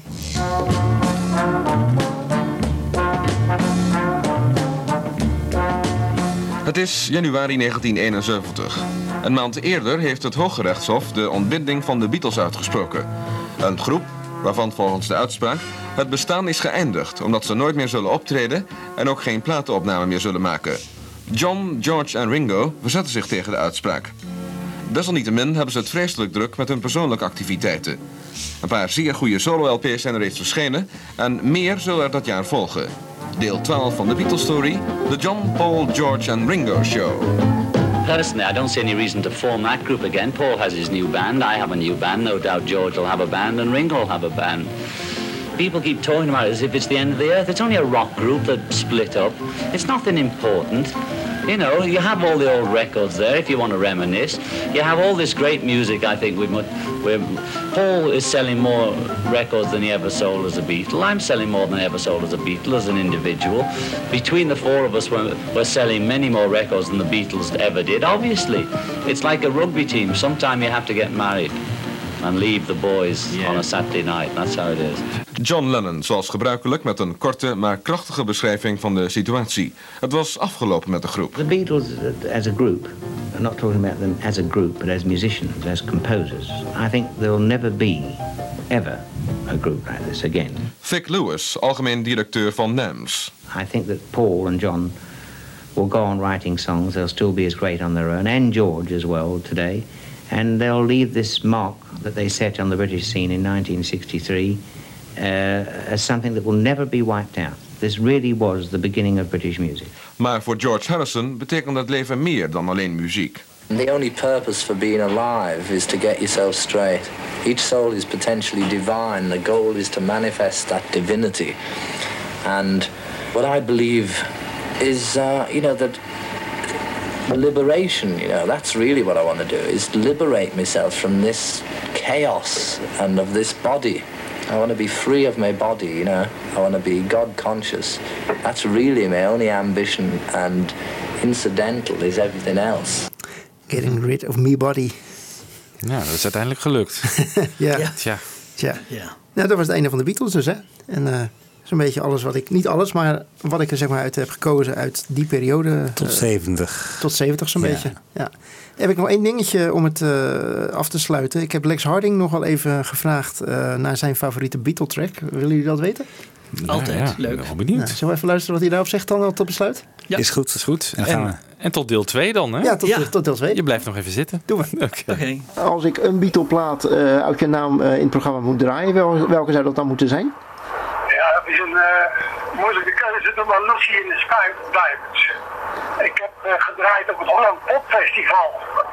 Later bekend geworden als het Kralingen Festival. Ik was daar eh, door Joe Kier, ik had een drive show. En eh, ehm, daar heb ik gewoon s'nachts ook doorgedraaid. Ik zat in een tent. En ja, ik weet dat het, je hebt dan van die magische momenten. Eh, s'nachts ergens. Toen heb ik op een gegeven moment dat nummer opgezet. En eh, ja, dat, dat schiet zo'n enorme sfeer daar. Dat iedereen, eh, ja, die, die, die voelde dat echt. Nou ja, ik krijg er nog rillingen van.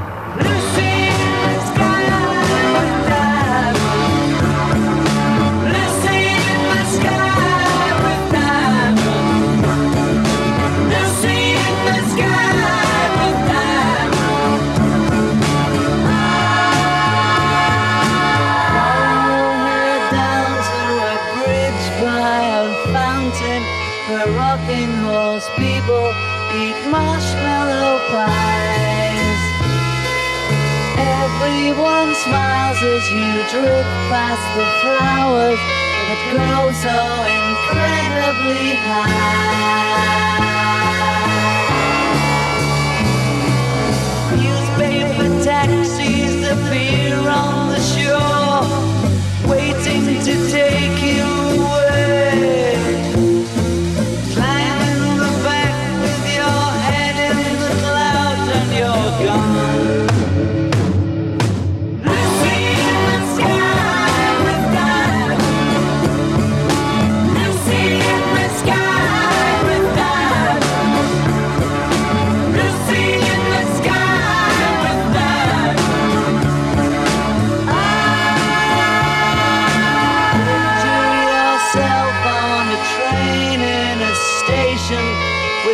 Plasticine pauses with looking glass ties.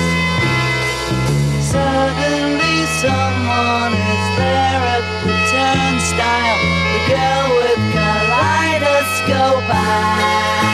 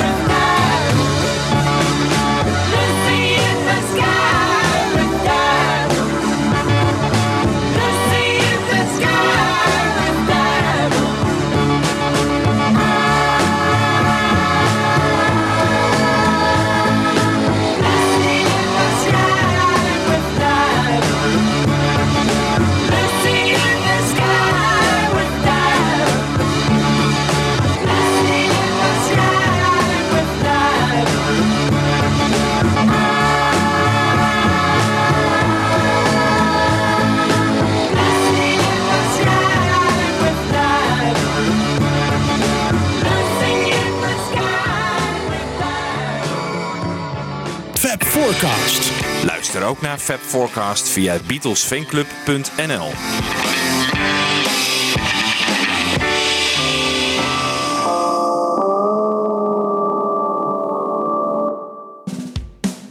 Dit was een podcast van Avro Tros.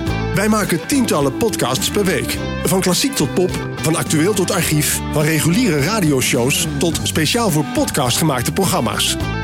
Kijk voor meer podcasts op avrotros.nl.